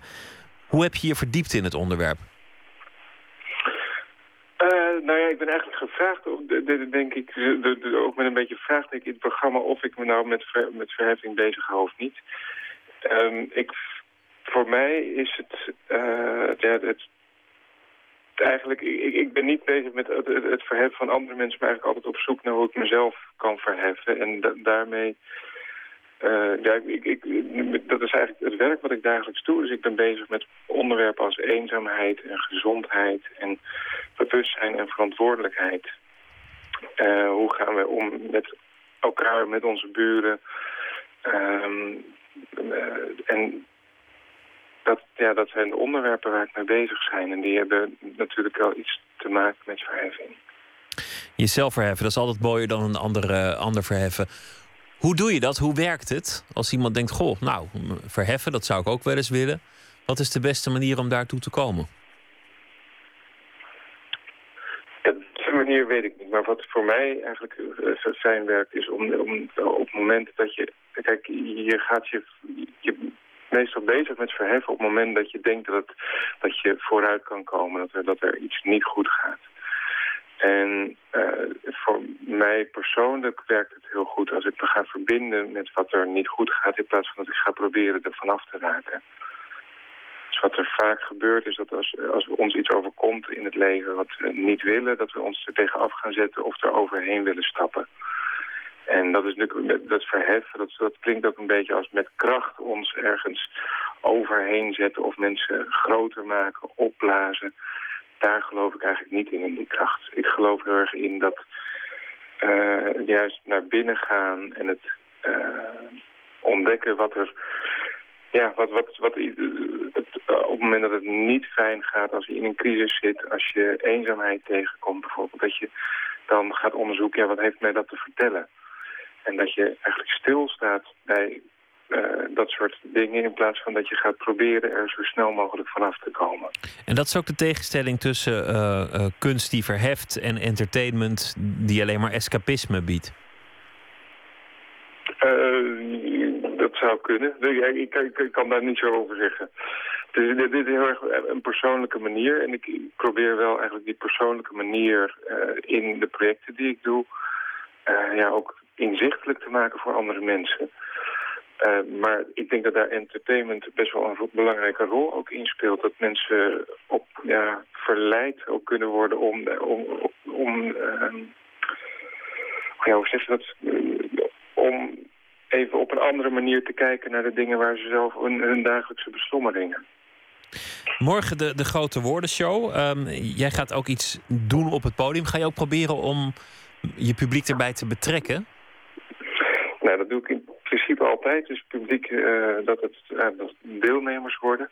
Ik denk dat het bij dit onderwerp heel belangrijk is. Dus dat we, ik denk dat ik een kleine oefening ga doen in eh, een uitnodiging eigenlijk naar de deelnemers, naar de medewerkers in het verheffen. om, om zich ter plekke ook eens te verheffen. Hoe, hoe doe je dat? Hoe ziet dat eruit? Ja, dat is nog een beetje, ben ik nog een beetje aan het onderzoeken. Waarschijnlijk, ik, ik, ik wil heel graag dat mensen eh, even in ieder geval hun schoenen uitdoen voordat ze het theater betreden. En verder is het, een, ja, ik ga even, een, eh, ik weet het nog niet helemaal. Het zal voor een groot deel afhangen. Ik ga morgenochtend of morgen een stuk eerder naar het theater om gewoon even te kijken wat de mogelijkheden zijn. En dan zal het heel erg aan het moment afhangen van hoe ik precies de mensen die uitnodiging ga voorleggen. Dat klinkt eh, spannend. Morgen is dat te zien bij het eh, Nationaal Toneel eh, in Den Haag. Martijn Engelbrecht, dankjewel. Een hele goede nacht en veel succes morgen met, het, met de grote woordenshow en het hele project. En ik wens je veel verheffing toe ook trouwens. Dankjewel. Ja, dankjewel. Ook veel verheffing en een goede nacht. Goeienacht. Welcome.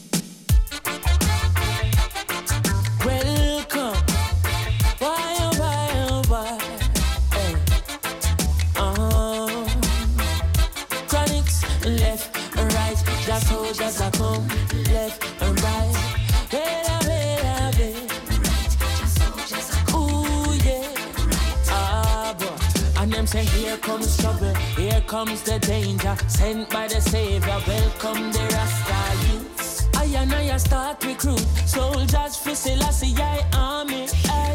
Here comes trouble, here comes the danger. Welcome the savior, welcome the Rasta youths. You know fi ask is who At the general issue in a warning? Job people them a ball Said them tired of mediocre. Evil a go fall when we tried in Ethiopia. Believing from down Cause them life not easy boat ya. Even Bantan say it's not an easy road. Operation Occupy the motherland. Calling all soldiers to kindly trod along. From creation He writing a job plan But chronics can't do it alone. So I'm recruiting Soldiers coming from near and far I choose Executing. Selassie I works and the Rastafari truth And them say here comes trouble. Here comes the danger. Sent by the savior. Welcome the Rasta youths. I'm gonna start recruit. Soldiers for Selassie I army. Here comes trouble, here comes the danger. Welcome the savior, welcome the Rasta youths. You know for is who at the general issue in a warning boy. Waving the banner red, green and gold. It is such a honor prophecies unfold. Discovered on stones, on trees and scrolls. And even in the stories that Jesus told. Rasta youth must inherit the earth.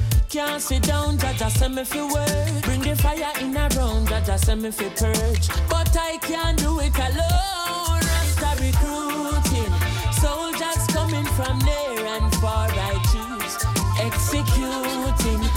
Selassie I works and be Rastafari. Choose. Here comes trouble, here comes the danger. Sent by the Savior, welcome the Rasta youth. I and I start recruit soldiers for Selassie I army. Hey. Here comes trouble, here comes the danger. Welcome the Savior, welcome the Rasta youth. You know fi ask is who at the general issue in a warning. Hey. Left and right, the soldiers are come. Left, right, the soldiers are come.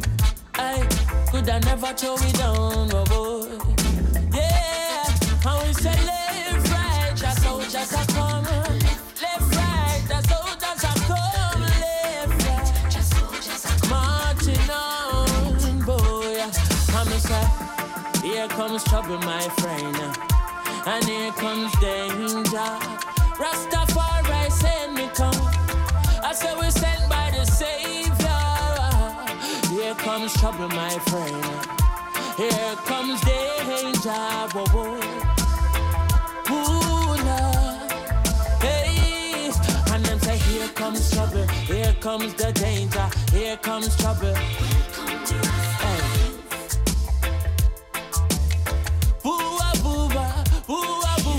Here comes trouble. Here comes the danger. Sent by the Savior. Welcome the Rasta. Chronics, Here Comes Trouble. En hij eh, treedt binnenkort op in Tilburg in 013.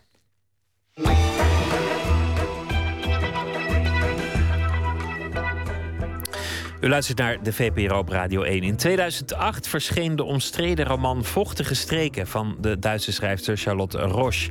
Die gaat over de 18-jarige Helen die erg van seks houdt. Seks met mannen, avocadopitten of douchekoppen.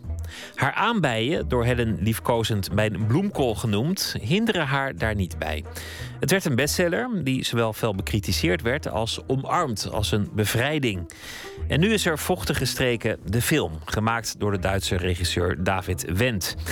Tjitske Mussen sprak erover met Simone van Saarloos, columniste bij NRC Next en filosofe die regelmatig schrijft over de seksualiteit. Die Konsistenz des Muschischleims spielt eine große Rolle. Sie ist immer unterschiedlich. Mal wie Olivenöl, heute eher wie Hüttenkäse. Viele stehen auf Hüttenkäse. Würde man gar nicht denken. Ist aber so.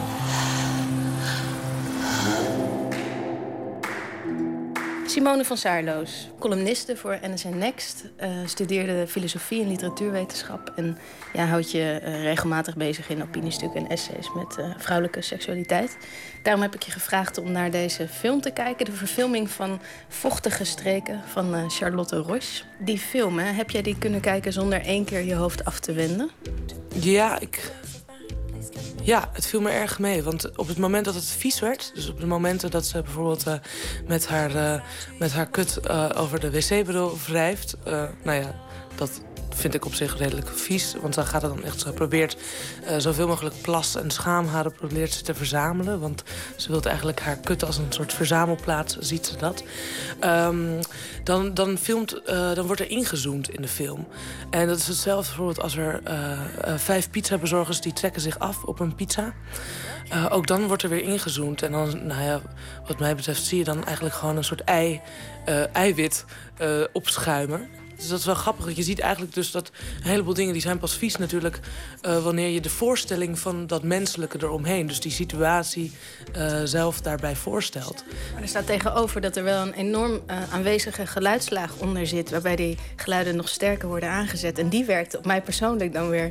ik moest wel af en toe... Vooral eigenlijk, ik zet het geluid af en toe uit. Oh ja? Oh nee, daar had ik dus totaal geen last van. Nee, want er, er zat ook muziek bij. Ehm, nee, ik vond... Ja, er werd af en toe wat gesopt en ge- gesmakt... maar dat heb ik niet zo eh, gehoord. Misschien ben ik niet zo geluidgevoelig dan in die zin. Come and visit me.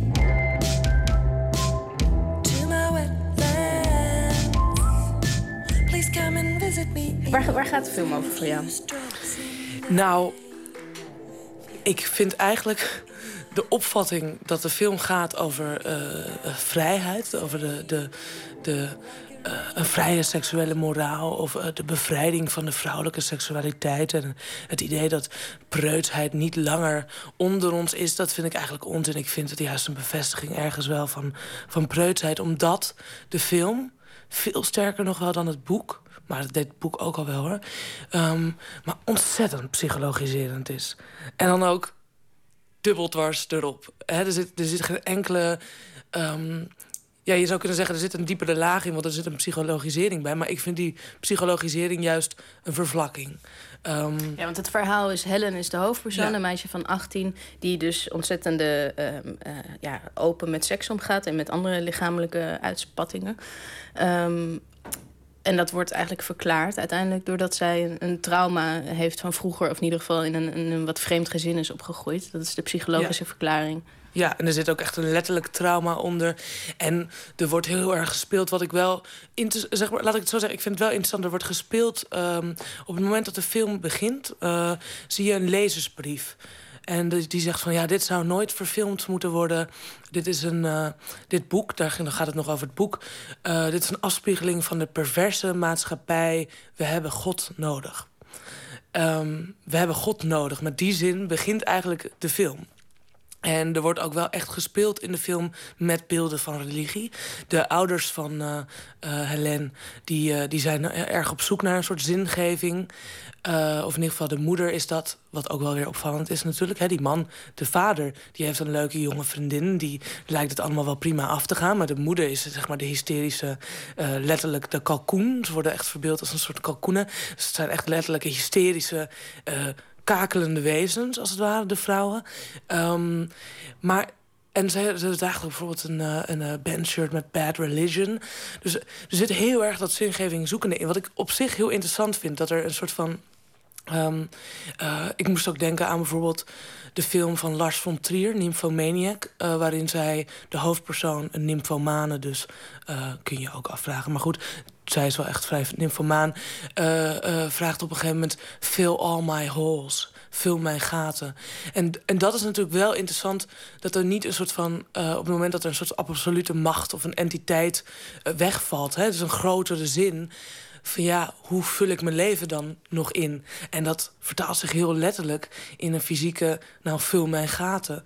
Ehm, maar om terug te komen op die vervlakkende laag, denk ik, die er zo'n beetje in zit. Juist omdat die psychologisering. Hè, wat je daarmee doet, is natuurlijk ehm, de seks in een probleemhoekje zetten.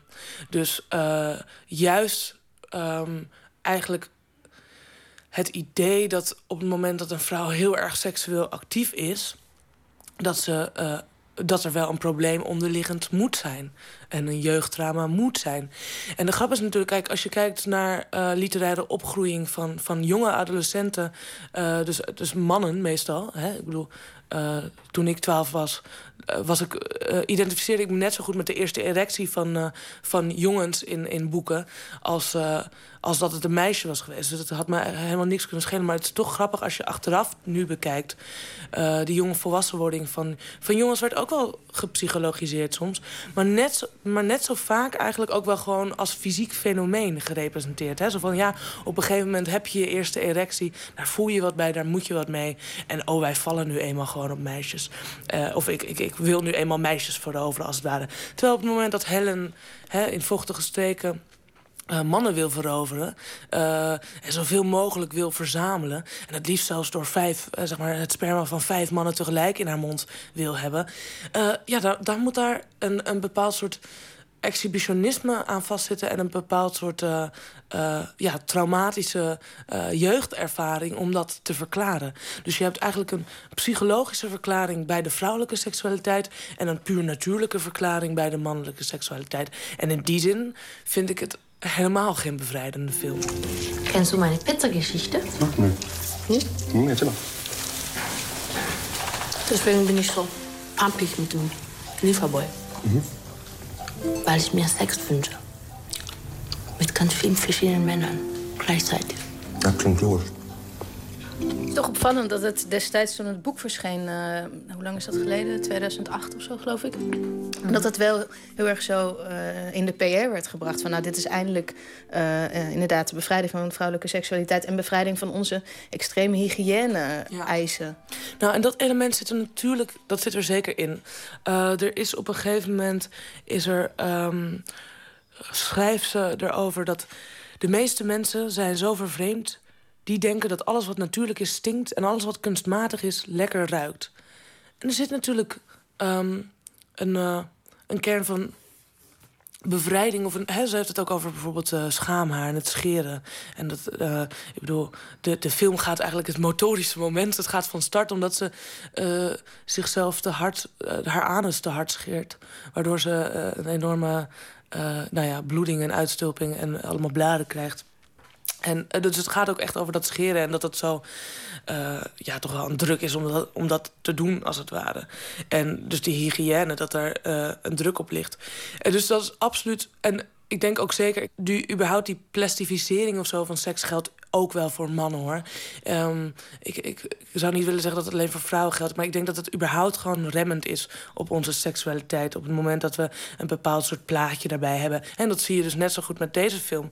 Dat je eh, maar lang genoeg herhaalt dat seksualiteit iets psychologisch is bij vrouwen en iets fysieks bij mannen. Ja, dan ga je dat op een gegeven moment geloven en dan ga je je daar ook naar gedragen, grotendeels. Want seks is natuurlijk, en dat is zo interessant aan seks.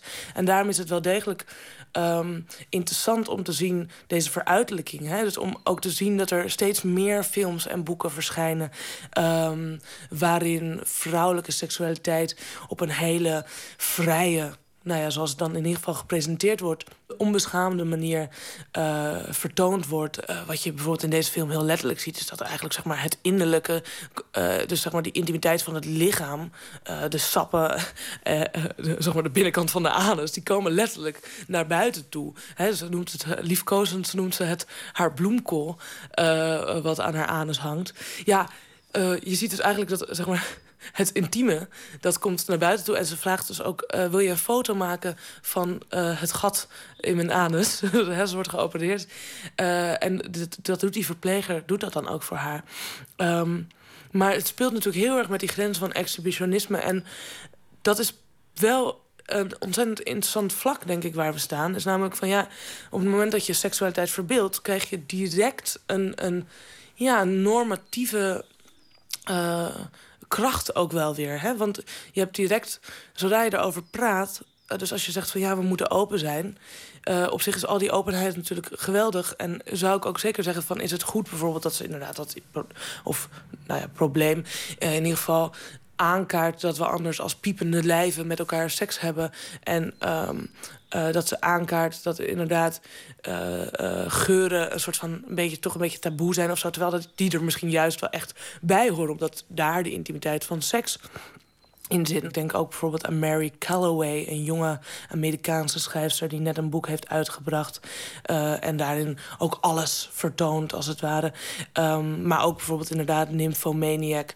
En er zijn nog wel wat andere voorbeelden. Er werd ook wel ergens gezegd van de, deze film, of, of het boek eigenlijk, is een extreme voorloper op die serie Girls. Omdat in Girls uh, is, uh, dat is ook geprezen eigenlijk, van nou, er wordt voor het eerst um, ja, openlijk, ook met minder mooie mensen over seks gepraat of gedaan. En zie je dit als een voorloper daarvan? Mm.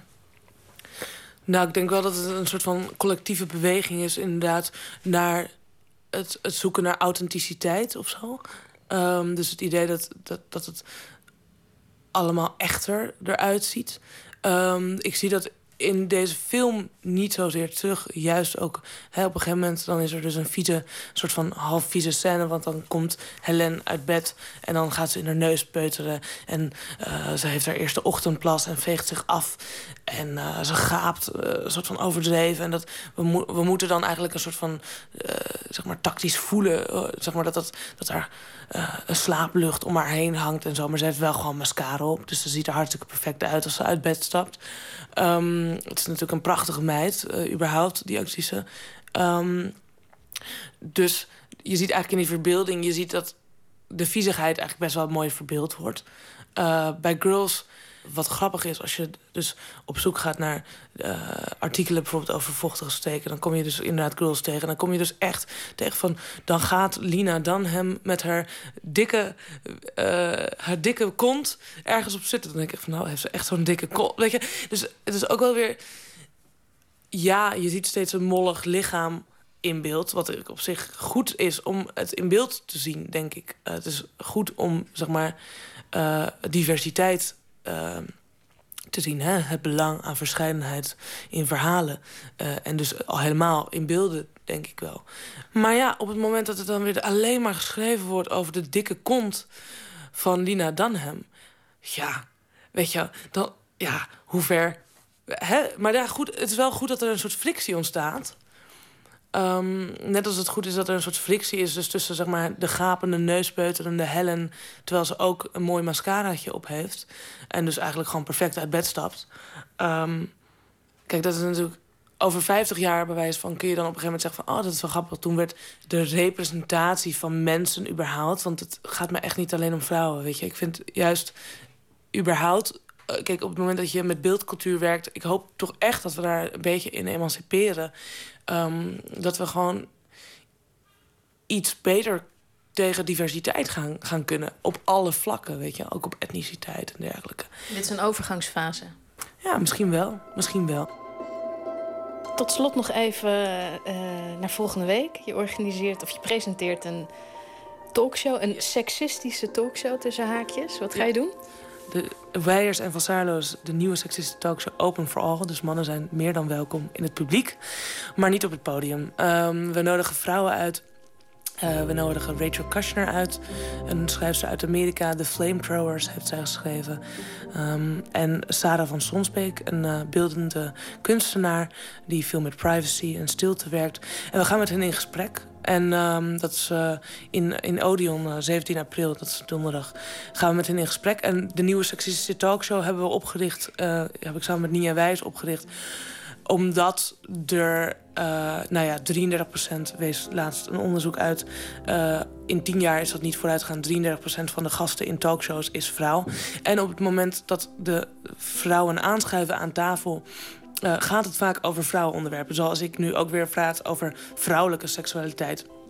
Ho- Hopelijk heeft ging het over seksualiteit, maar ehm, dan kom je toch gauw bij vrouwen uit. Hè? Of, of je ziet een vrouw heel succesvol is eh, in een vakgebied aan tafel... en dan wordt er gevraagd, ja, maar hoe is het nou eigenlijk om vrouw te zijn? Hè? Als econoom bijvoorbeeld.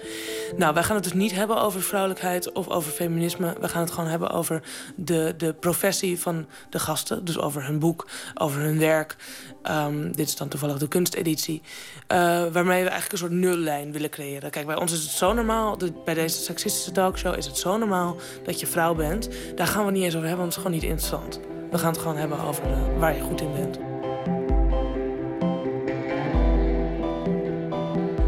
Al dus filosoof Simone van Saarloos. De film Vochtige Streken is vanaf morgen te zien in veel bioscopen. En de talkshow Weijers en van Saarloos vindt plaats vanaf volgende week donderdag. Aanstaande donderdag ook in Club Odeon te Amsterdam. En dit was eh, Nooit meer slapen voor eh, deze nacht. Morgen na middernacht is er een nieuwe editie van Nooit meer slapen. Dan komt regisseur Ineke Houtman langs. Aanleiding is de Nederlandse speelfilm Toen was geluk heel gewoon. Gebaseerd op de gelijknamige comedy-serie. De filmversie speelt zich af in het jaar 1974. Het jaar van het grote verlies van Nederland op het wereldkampioenschap. En dat komt ook voor in die film. Dat is eh morgennacht in eh, Nooit meer slapen. En we gaan ook langs bij het Kunstfort in Vijfhuizen nabij Haarlem. Waar de opblaasbare kunst van Robert Roelink en Bert Kramer is te zien. Met hun ruimtevullende inflatables is de vesting compleet getransformeerd. En het gaat dan ook nog over eh, stripboeken morgennacht in Nooit meer slapen. U kunt ons eh, mailen als u dat wilt. Nooit meer slapen vpro.nl of via Twitter @vpro_nms. Ik wens u een eh, hele goede nacht. Morgen een leuke dag. En eh, na middernacht Nooit meer slapen. Straks op Radio 1 de Vara met De Nacht van Jolen. Veel plezier daarbij en een hele goede nacht.